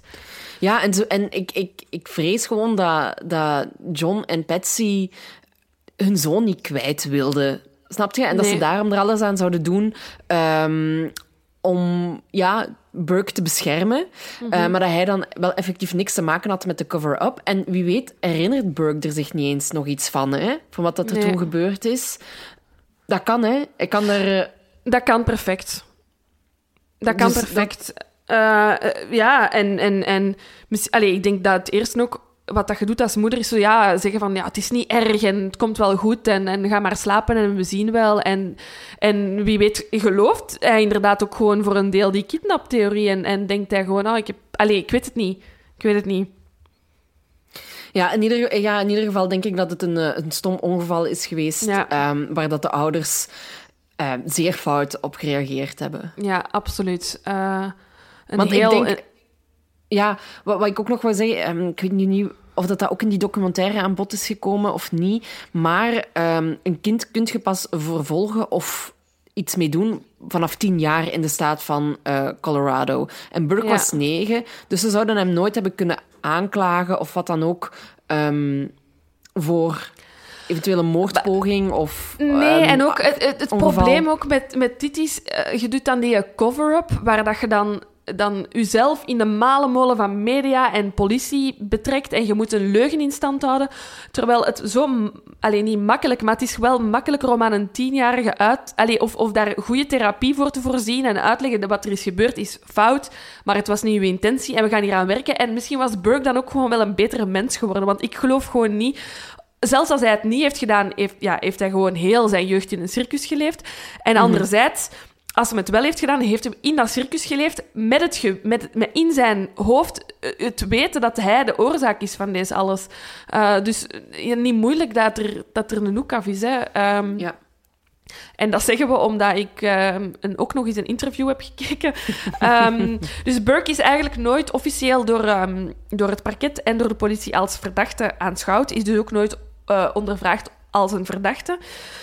En is ook altijd uit de media gehouden. En hij heeft zelf in 2016 beslist, eh, dus bij de 20-jarige anniversary, spijtig genoeg, van eh, de dood van John Benet, heeft hij zelf beslist om naar buiten te komen. Hij heeft zelf het medium gekozen eh, via wat hij dat zou doen. En pff, manneke, echt slechte keuze. Hij kiest voor Dr. Phil. Ja. Ehm, dus hij kiest voor een vooropgenomen interview. Dus wel niet zoals wij Dr. Phil kennen in de studio met zo de ene surprise gast na de andere. Maar hij kiest voor een interview met Dr. Phil. Het wordt gespreid over drie afleveringen, eh, waar dat er ook een publiek is dat dan vragen kan stellen, die Dr. Phil dan stelt in de opname aan Burke. Ehm, en hij komt hier zo slecht uit. Ongelooflijk. maar ja, hij zit eigenlijk de hele tijd te grijnzen. Ja. Maar ik kan ervan uitgaan dat dat gewoon is omdat hij zich ongemakkelijk voelt. Ehm, dat is iedereen die wel eens op tv komt en, zich, en zichzelf terugziet, denkt... Maar what the fuck, hoe was ik daar nu? Hoe gedroeg ik mij? Ik was totaal niet mezelf. En het gaat hier dan ook nog eens om een heel gevoelig onderwerp. Ja. Ehm, ja, want hij wordt ja, door het publiek wel beschuldigd als zijnde de moordenaar van John Benet. Dus ik snap dat je je wel extra ongemakkelijk ehm, voelt. Maar ik heb, ik heb echt maar een heel kort stukje gezien eh, van het interview. Dus over de Ja. inhoud zelf eh, kan ik mij niet uitspreken. Ja, het, het is dus in vier delen en ehm, enkel deel drie is eh, beschikbaar op YouTube. Ehm, ik heb, ik denk, denk dat dat een, een stuk van drie kwartier is. Ik heb niet alles, of ik heb misschien wel alles gekeken, ik weet het niet meer. Ehm, maar ja, ik heb mij, ja, die houding van Burke, ik denk, oh manneke, maar dan moet je toch weten dat dit niet de ideale manier is. Kom naar buiten met een statement in een brief. Ehm, maak zelf een opname. Allee, er zijn echt andere manieren om voor het eerst... En niemand heeft hem ook verplicht. Hij heeft twintig jaar gezwegen. Oké, hij wist dat hij bij die twintigjarige 20-jarige eh, anniversary wel terug in de picture ging komen, maar dat is dan ook weer... Allee, dat gaat ook allemaal weer voorbij. Allee, ik, ik denk gewoon niet dat hij de juiste media-adviezen heeft gekregen. Ehm, ja, dus ik vond opvallend dat iemand uit het publiek heeft gevraagd naar... ehm, of dat hij effectief ooit als verdachte is eh, in aanmerking gekomen, maar dat bleek dus niet. En dan iets wat ik heb opgeschreven, en dat heb ik echt na één seconde interview opgeschreven. Waarom verdedigt Dr. Phil hem zo hard? Is dat? Ongelooflijk. Dus alles wat dat in de richting van Burke als dader wijst, weerlegt Dr. Phil direct. En echt op zo'n manier van... Allee, mannen, heb je daar nog niet over nagedacht? Maar dat zal misschien een, een, een voorwaarde geweest zijn van Burke Ja, voor het interview om te Ja. zeggen van kijk, ik wil gerust met u hier eh, face-to-face een interview doen, maar ik wil wel niet dat eh, ik hier beschuldigd word. Ja. Want hij heeft bijvoorbeeld wel CBS heel erg Ja. aangeklaagd. Voor die Ehm, dat is onder- documentaire, ja, voor die documentaire. Dat is ondertussen... ehm, dat is ver- verder niks mee gebeurd. Maar om maar te zeggen, ik denk dat dat echt een voorwaarde was. Ja, sowieso. Maar dan nog zijn er... Allee, dan denk ik, Dr. Phil, kom aan, die mens heeft zoveel tv-ervaring. Er is een verschil tussen iemand goed praten en gewoon neutraal blijven. Allee, of En- de of juiste kritisch kritische... zien, hè? Ja, Ja, ja. Ja, juiste kritische vragen stellen.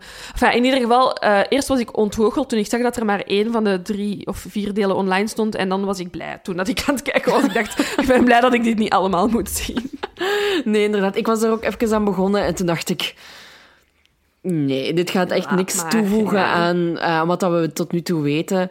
Ehm, dus voor mij is dit het wel. Ik denk Ja. dat, ja, wat dat we gezegd hebben, eh, dat het binnen de familie gebeurd is. Dat het heel, heel, heel onwaarschijnlijk lijkt dat het van buitenaf iemand is geweest. Ehm, en dat er gewoon op de verkeerde manier mee omgegaan is door Patsy en John. Ehm, Helaas wel, ja. en ja, ik, eh, dit zeggen we iedere, iedere keer bij een onopgeloste moordzaak. Ik denk ook niet dat we het ooit te weten gaan komen. Goh, dit is zoiets. ehm, en goh, dit is ook weer cru om te zeggen, hè, maar het zijn, één, het zijn witte mensen in Amerika met zeer veel geld. De kans is echt heel klein dat we iets gaan weten. Het feit dat in 2013 al gelekt is dat die jury wel een onderzoek wou tegen de ouders, vind ik eigenlijk al ongelooflijk. Ja, dat zegt genoeg. Hè. Dat, is, dat zet heel de toon voor hoe dat er mee omgegaan is eh, met Ja. deze zaak. Hè. Het is eigenlijk van, vanaf seconde één dat de politie daar eh, een stap binnen zet, is het misgegaan. Want heel de crime scene is gewoon al kapot gelopen door Ja. eh, tientallen mensen en zo. Ehm, de manier waarop dat het huis dat er bewijsmateriaal is niet verzameld geweest Ja. en zo. Ehm, het is echt daar gewoon alweer weer misgegaan. Ja, Ehm, dat is ook echt een van de eerste dingen dat ik heb opgeschreven. Hè, is, ehm, ik neem DNA's er- eh, DNA-bewijs in deze zaak gewoon niet serieus. Eh allee, zoals bijvoorbeeld, ik weet niet of we dat al hebben aangehaald, maar dat DNA in die onderbroek, dat gaat echt over een minuscuul ding. ehm, dat ze dan in de documentaire ook wel op een hele rare Ja. manier testen. Ehm, maar het is blijkbaar, wat ook wel een klein beetje een beangstigende gedachte is, maar het is dus niet zo raar dat er een DNA-spoor op je ondergoed zit van iemand die je totaal niet kent. Ja, want dat zou dus gewoon iemand geweest zijn van de fabriek die het eh, broekje gemaakt zou hebben, Ja, die, eh, Ja. ja. waarvan dan een beetje DNA op je onderbroek is terechtgekomen. En dat kan, hè, want ja... Dat is Dus, het ook eh, gewoon. Hè. Er is niet, het is niet dat er, dat er een bloedvlek op zat, of een spermavlek, Nee, of een andere ging, ja, onzichtbaar. Ja, onzichtbaar DNA. Dus het feit dat ze daar heel die seksuele theorie op baseren, vind ik ook gewoon al een beetje uit de lucht gegrepen. Ehm, ja, ik, ik vind gewoon dat alles wijst op het feit dat het, dat het een inside job is, om het zo te zeggen. Ja. Maar eh, volgens velen zou eh, John Bonet ook nog leven, hè? Ja, dat is... eh, en dat is, dat is dan ook... Ik, ik wist het niet. Ik had er nog nooit van Nee. gehoord. En ik heb het dan om te lachen naar u doorgestuurd. En jij denkt niet dat jij het ook... Of nee, jij ik wist het ook niet. Uh, maar toen dat we het vandaag posten op de sociale media, ehm, wisten jullie het blijkbaar wel. Ehm, er wordt namelijk gefluisterd dat John Benet niet dood is, maar dat zij de eh, popster Katy Perry is. Ik geloof dat. Ja, sorry, deze is mijn theorie. Maar het is, ja, het is echt super ver gezocht. Ik, de, het, de theorie is ont, allee, komt uit een, een YouTube-video. Ik, eh, ik heb die willen bekijken, maar die bestaat niet meer, die video. Die is weg. Ehm, maar het gaat er eigenlijk over dat in bepaalde songteksten en tweets en muziekvideo's Katy Perry heel erg ehm, zou verwijzen naar een soort van wedergeboorte. Ja. Ehm, en dat ze in 2008 blijkbaar eh getwitterd heeft. Eh, maar dat vind ik dan ook weer zo algemeen eigenlijk. De tekst van het lied God Bless America. Wat John Bonet dan ooit eens gezongen zou hebben tijdens een schoonheidswedstrijd. Maar Ja, God Bless America is dan niet het algemene volkslied. ja. bij wijze van spreken. Ehm, dus dat is. eh, Het is, Ja. het is raar. Het is raar. En ja, je kunt inderdaad stellen, als je Katy Perry haar gezicht naast dat van John Benet eh, legt, ja, maar zonder afbreuk te doen, die, allee, die hebben een zeer allee, generisch, die hebben een vrij normaal gezicht. Die hebben blonde ogen, een rechte neus, een mooie mond. Ehm, dat is waar, maar het is niet dat die echt zo karaktertrekken hebben waarvan je zegt, ah ja, amai, dat is een match. Gelijk dat ze zo bij Maddie McCain dat vlekje hebben in haar oog. Er is niet zo'n kenmerkend Nee. lichaamsdeel dat je zegt, ah ja, juist, daarom... ehm, maar ik, ehm, ik vind het een zeer interessante theorie om, ehm, als de cafés ooit terug open gaan, op café te vertellen. Ehm, ik, heb, ik- ik... heb trouwens. oh, sorry. Nee, ik heb wel ja. nog één argument waarom dat het wel Katy Perry zou kunnen zijn. omdat Want- Avril Lavigne ook dood is. Ah nee, oh wat? Nee, ja. Oké, daar kom ik straks toe. Nee, ik heb... eh Katy Perry zou in haar biografie geschreven hebben... Ik was geen entertainer als kind. Er was geen John Benet Ramsey in me die wilde losbarsten. Oeh, dat is ook heel fout dat ze dat in haar... Ja, ja, ja dat sowieso. Nee, eh, ik haal, Maar het, het- ik haal eh, sorry, ik haal Lavigne aan, omdat dat ook zo'n zeer, zeer veel voorkomende theorie Ja. is. Dat Avril Lavigne zou dood zijn en dat ze door een vervangster is. eh. Dat is waar, ja. ja, ja, ja. Voilà, dus ik, vind toch toch nog- in die categorie wel een goede. Ja. Ik heb toch nog één complottheorie ehm, die ook ehm, mij heel hard, heel hard deed denken aan eh, de staircase. Oké, welk dier is erbij betrokken? Een uil. Maar jij. Of een bever. Oké. Omdat er eh, een, een haartje is gevonden op de ducttape ehm, dat van een uil of van een bever zou kunnen zijn. Maar ah ja, er uil is- of bever, ze zijn niet zeker. Of? Ja, ze zijn niet zeker. Ehm, maar er is, want er is ook niks qua materiaal gevonden in het huis van de Ramses dat gelinkt zou kunnen worden aan dat haartje. Ja. Maar goed, als het een uil of een bever zou zijn geweest, wie heeft dan de knoop gemaakt? Snap je? Dus dat kan Die zo... bever? Kan, de bever. Met zijn tanden. Sowieso. Dus nee, dat, dit, dit is ook zo'n complottheorie. ehm, Ja. Dat ze erop wijzen dat het een uil is geweest. Maar ik vond het gewoon opmerkelijk omdat het in de staircase ook aan bod kwam. Ja, ik vind eh, gewoon iets wat ik hier nu... Want ik, had- ik had echt keiveel pagina's voorbereiding en ik zie hier nu iets dat ik nog niet heb gezegd dat ik ook wel interessant vind. Ehm, is het, eh, het feit dat John Benet bedekt was met een wit laken. Eh, en dat is ook iets dat in de statistieken zou bewijzen dat, de, dat je je moordenaar kent. Omdat Ja, ja, hij het heel schaamtelijk vindt. Ik denk dat we dit ook hebben aangehaald bij eh, Amanda Knox. Ehm, daar was het lichaam ook bedekt. En dat zou wijzen, er, erop wijzen dat de dader het slachtoffer kende. Ja, dat is inderdaad een gekend fenomeen. Hè? Dat als, ja, dat het een, Ja. als het een geliefde u vermoord heeft of zo, of iemand die je kent, dat hij zich uit schuldgevoel of uit berouw of wat dan ook Ja. eh, bedekt, omdat hij niet wil zien wat dat, dat hij gedaan heeft of zo. Ja, ja, voilà. Dat zag ik, sorry, ik zag dat gewoon nog even passeren. Nee, nee, dat is oké. Maar ik denk dat we er dan wel uit zijn, hè, wat voor ons Ja, eh, het, het, ja, ja ik de conclusie neig, is. Ja, ik neig, ik neig inderdaad echt naar Burke. Ehm, alleen na Katy Perry neig ik naar Burke. Ehm, Gewoon omdat het voor mij gewoon heel herkenbaar is. Hè. De feestdagen, dat is een stresserende periode voor een familie. Allee, draai, eh, een keer hoe dat je het wilt. Dat is, dat, is, dat is vermoeiend, van familiefeest naar vrienden en terug. Ehm, ja, en, en zelfs, zelfs als... als ehm, Burke al dan niet hè, autisme heeft of iets in die, in die, allee, ergens op, het, op het spectrum zit, uh, kun je als kind ook gewoon heel snel van emotie veranderen. Kan die ruzie ontstaan? Ja, ja, ja. En uh, ja, kent je gewoon inderdaad je eigen kracht niet. Um, ja. Ja, ik, ik kan iedereen wel aanraden om die documentaire eens te zien, omdat het wel nog kracht bijzet met wat wij hier gezegd hebben. Ja. Um, maar neem het wel echt met een grote zak zout ook wel weer gewoon. Ja. Want het is, ja, zoals we eerder gezegd hebben, heel Amerikaans. Dat met die schedels en zo was echt gewoon absurd. En ik ben er echt wel van overtuigd dat de, de, de FBI-agent um, en de... Ja, dat is nog een experte, een vrouw, die man en die vrouw die het onderzoek leiden, Ja. dat die echt wel legit zijn en dat die ook waarschijnlijk zoiets hadden van what the fuck moeten wij hier nu doen? Um, maar dat dat wel gewoon werd opgelegd van de producer of wat dan ook, Ja, ja, om het enigszins uh, wat spannender te maken of zo. Ook met die, met die audio-engineer. Um, ik denk echt dat ze dat hebben moeten doen. Ja, dat denk ik ook. Want uh, voor ons is het denk ik een van de enige beschikbare documentaires die nog te zien is. Maar ik ben op een soort van overzichtpagina terechtgekomen van alles wat dat er ooit in de media over John Benet is verschenen. Uh, ja, dat is een waslijst. Hè. Dus als jij als documentaire het verschil wilt maken... Ik heb ook ergens gelezen dat in 2016 letterlijk elke Amerikaanse zender iets heeft gedaan over John Ja, ja. Benet. Um, dus ja, ik denk... Allee, Je moet ik met iets komen, hè? Ja, je moet met iets komen en dat is duidelijk te zien. Maar lo, als, allee, ik, ik vind ook dat je pas de documentaire mocht kijken als je een beetje van de zaak iets afweet. En dan Ja. bedoel ik, je hebt onze podcast uitgeluisterd. Dan is het goed om, om er... Ja, nee, maar als je gewoon uit het niks begint te kijken, ja, dan zet je gewoon heel blind, denk ik, voor wat, allee, voor wat dat er... ehm, Ja. wat dat er wordt gezegd. Ehm, en ik, ik zou het super interessant vinden als er iemand anders met een andere theorie komt. Eh, ehm, ik, dit is een zaak waar ik graag over discussieer met mensen. Ja, ja, want het kan, het kan in principe nog allemaal. Hè. Ehm, Ja. de- deze documentaire heeft me wel heel erg overtuigd van eh, de Burke-theorie. maar voor hetzelfde geld kan het inderdaad toch nog steeds iemand geweest zijn van Ja. buitenaf. Al betwijfel ik dat heel sterk. Maar het, ja, voilà. het kan. Oh, grappig. Ik was echt heel benieuwd, want we wisten het niet van elkaar wat we dachten.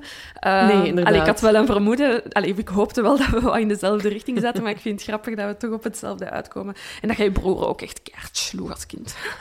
Sowieso. Hij mij ook hoor, daar niet.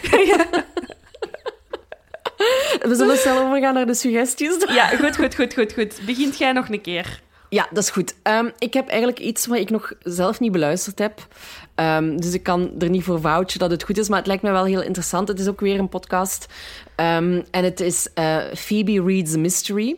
En ehm, Phoebe is Phoebe Judge, host van de podcast Criminal. Ook een zeer goede aanrader trouwens. Ehm, en eh, het, is, het is echt letterlijk wat dat de titel zegt. Ze leest elke dag een hoofdstuk uit een detectieve roman.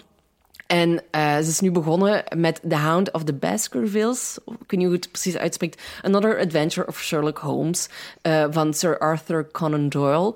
Ehm, en het is gewoon... Ik heb nog maar twee minuten ernaar geluisterd, het is gewoon heel fijn om naar te luisteren, omdat Phoebe voor mij de, de, de beste stem heeft eh, ter wereld, Ter wereld, eh, wat ja, betreft eh, snap ik. podcasts. En wat een heel aangename stem om naar te luisteren. En ik denk dat je er heel fijn mee in slaap kunt vallen. En het is dan ook nog eens een, ehm, een, Sher- een Sherlock Holmes verhaal dat ze doet. Dus ik weet niet wat dat de komende plannen zijn, wat dat ze nog gaan doen. Maar voorlopig staat er eh, een heel boek op.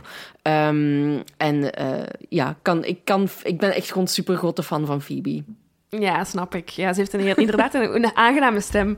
Ehm, en ik weet dat er sommige van onze luisteraars in slaap vallen met onze podcast.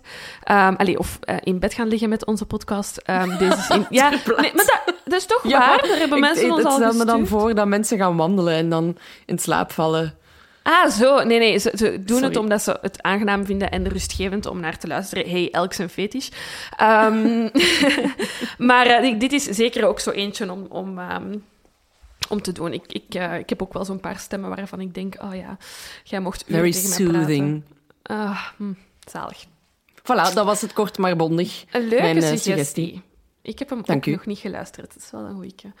Ehm ik heb een suggestie genomen. eh, ik, omdat we met deze podcast bezig zijn, krijg, ik- krijg ik niet alleen van jullie, luisteraars, heel veel tips, maar ook gewoon nu ineens van vrienden en familie. Ehm, mijn mama stuurde ehm, vorige week, heb je Tiger King al gezien op Netflix? En ik dacht, ja, tuurlijk, mama. Dat al, staat al een week online, dat heb ik al gezien.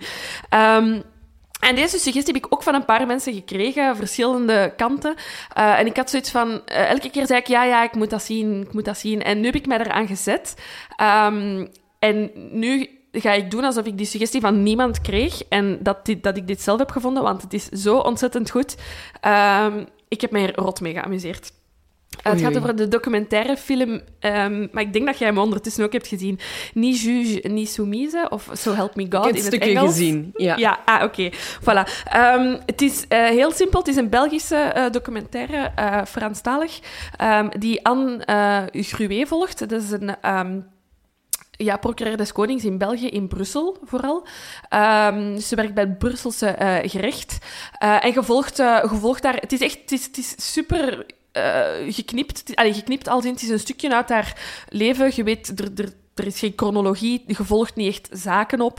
Ehm, het is gewoon zo haar... Ja, haar allee, even zo een, een- deel van haar carrière. Maar die vrouw is echt mijn nieuwe spirit animal. Eh, de documentaire dateert uit 2017. eh, dus ik, dat is voor de emissienormen in Brussel. Maar die rijdt rond met een blauw geitje. Ik weet niet of je nog die auto's kent Ja, ja, ja, door ja. Brussel daarmee. Dus ik denk dat ze ergens kant de Schaarbeek woont. En zo tuft hij dan door de tunnel van het Jubelpark naar het goed? Justitiepaleis. oh, mannetjes, ik heb me kapot gelachen.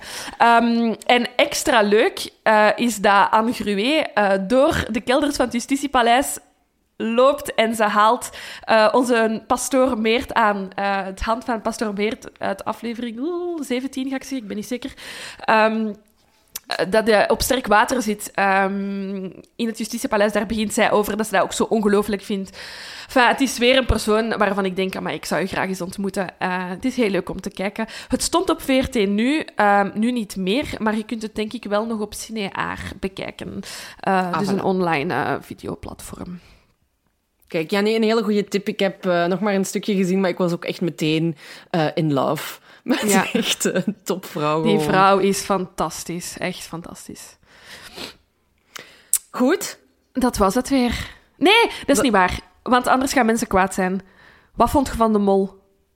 Ah, ehm, oh, wacht. Even nadenken. Eh, wie is er ook alweer uit? Oh nee, ja, Doreen. Oh, Ja, je mol is eruit. Daarom dat ik het zeker nee, wil mijn vermelden. Mijn droommol Ja, is mijn eruit. droommel. Maar, ehm, oh nee, ja, nee, dat vond ik erg. Dat vond ik erg. Dat, dat Doreen, ik vind dat gewoon zo'n toffe madame. Ja, Ehm, zalig. Zalig, hè. Maar eh, nu wordt mijn vermoeden wel versterkt nog steeds dat Jolien de mol is. Ja? Oké. Ja. Maar jij zegt, jij zegt nog steeds Alina, hè? Nee, voor alle duidelijkheid, ik zeg Alina omdat ik dat heb gezegd in het begin. En ik dat nu Ja, gewoon ja. niet meer ga loslaten. Maar ik heb dit elk jaar voor en dus hoogstwaarschijnlijk zal Alina winnen. Dat is wat ik altijd voor heb. Ik haal de winnaar aan als mol. Ah, wel, maar dan heb je dat toch al tenminste. hè? Maar ik heb zo hard gelachen met die proef, met die oezo. Ja, is goed, hè? Ik ga ook vanaf nu alleen nog maar Sirtaki gewijs naar huis gaan als ik op café ben geweest. En dan ook zo het bankje over, hè? Ja, ja, ja. ja. Oh, mannetjes. Ik heb gelachen. Gelachen. Echt. Ik vond het echt fantastisch. En weet je, ik zou, dat, ik zou dat kunnen, maar niet als er mensen op mij zitten te staren. Snap je? Want ik zou dat niet zitten dan kunnen. in die... Zelfs nuchter kan ik dat niet. Oh, man. Nee, ja, ik vond, eh, ik vond het een goede aflevering weer. Ik heb echt goed... Ik, ja, ik vind het echt een maximal. Ja, het is echt superleuk. En ik, ehm, ja, het is bijna gedaan, hè, want ze zijn nog maar met vier. Dus eh, Oh, eh, wat gaan we dan goed, doen dat wij er, goed dat wij er nog zijn, hè? Ja, ja, het is waar. Het is waar. Maar het is een leuk programma. Maar ik heb dus ook al gelezen in een interview in de morgen ehm, dat het hoogstwaarschijnlijk volgend jaar niet gaat zal kunnen doorgaan door die coronamaatregelen. Ja. Ah, Shit. Omdat ze, ja, die vertrekken normaal in oktober. Ja, de kans En die moeten dan alles al getest hebben en zo, Ja, hè? En, en ja. uitgevogeld hebben. Oh, man. Spijtig. Ja, dus ik, maar ik, ik, ik zeg het, ik neem het hen niet kwalijk als het volgend jaar in de Ardennen is. Hè. Ze moeten daar, dus, allee, er moet gewoon een oplossing worden gevonden. Ja, ja, ja, inderdaad. Ik bedoel, als je Ja, nu ja. een soort van een oproep lanceert en je zegt tegen de kandidaten, kijk, weet je, het, het gaat aan de zee of de Ardennen zijn, kun je daarmee leven, schrijf u in. Allee, toch? Ja, ja, ja. Maar ik denk dat dat vooral voor de makers heel moeilijk is om anoniem te blijven. Ja, dat is waar. Ik denk dat dat een probleem gaat zijn. Ja, dat is waar. ja, dat is misschien ook wel waar. Goed, we hebben nog een paar afleveringen in ieder geval. Hè. Ja, het is dat. Ik, ik trek er mij wel aan op. Ik vind het nog altijd een heel leuk programma om te kijken. Goed, Laurake. En iedereen, ehm, we gaan weer afscheid nemen. Ik vond het weer heel gezellig. We hebben Ah, zijn was lang leuk, bezig ja. geweest, heb ik de Ja, indruk. ja, ja, ik denk het ook. Eh, maar dat is goed, hè. Dan, jullie zijn altijd kei blij als het zo'n lange aflevering is. Ja, wat raar is, Ah. want heel vaak wordt aangegeven dat als je een podcast maakt, je als richtlijn 30, 30 minuten moet nemen. Ja, Daar zitten wij los over. Ja, maar we hebben ook echt... Ik denk niet dat we één aflevering hebben dat dezelfde lengte heeft als de vorige. Dat is Nee. altijd zo verschillend. Het kan allemaal. Voilà, kan goed. allemaal. ehm, laten we het dan niet verder rekken en eh, maar gewoon afronden. Ik vond het weer leuk om u gezien te hebben. Ja. En ehm, ja, ik vind het echt fijn dat het zo nog kan. Ja, ik ben blij dat het kan, maar ik kijk er echt enorm naar uit om u hier terug bij mij Ja, te echt, hebben. Ik ook, ik ook. Ehm, hou je goed, Laurake, en Ja, iedereen allemaal. En eh, we horen elkaar op sociale media sowieso. Ja, hè. sowieso. Bye bye. Salut! Op Storytel vind je heel veel crime-luisterboeken. Waaronder de thrillers van Karen Slaughter, die ook wel de Queen of Crime wordt genoemd. Probeer Storytel nu 30 dagen gratis uit op story.tel volksjury.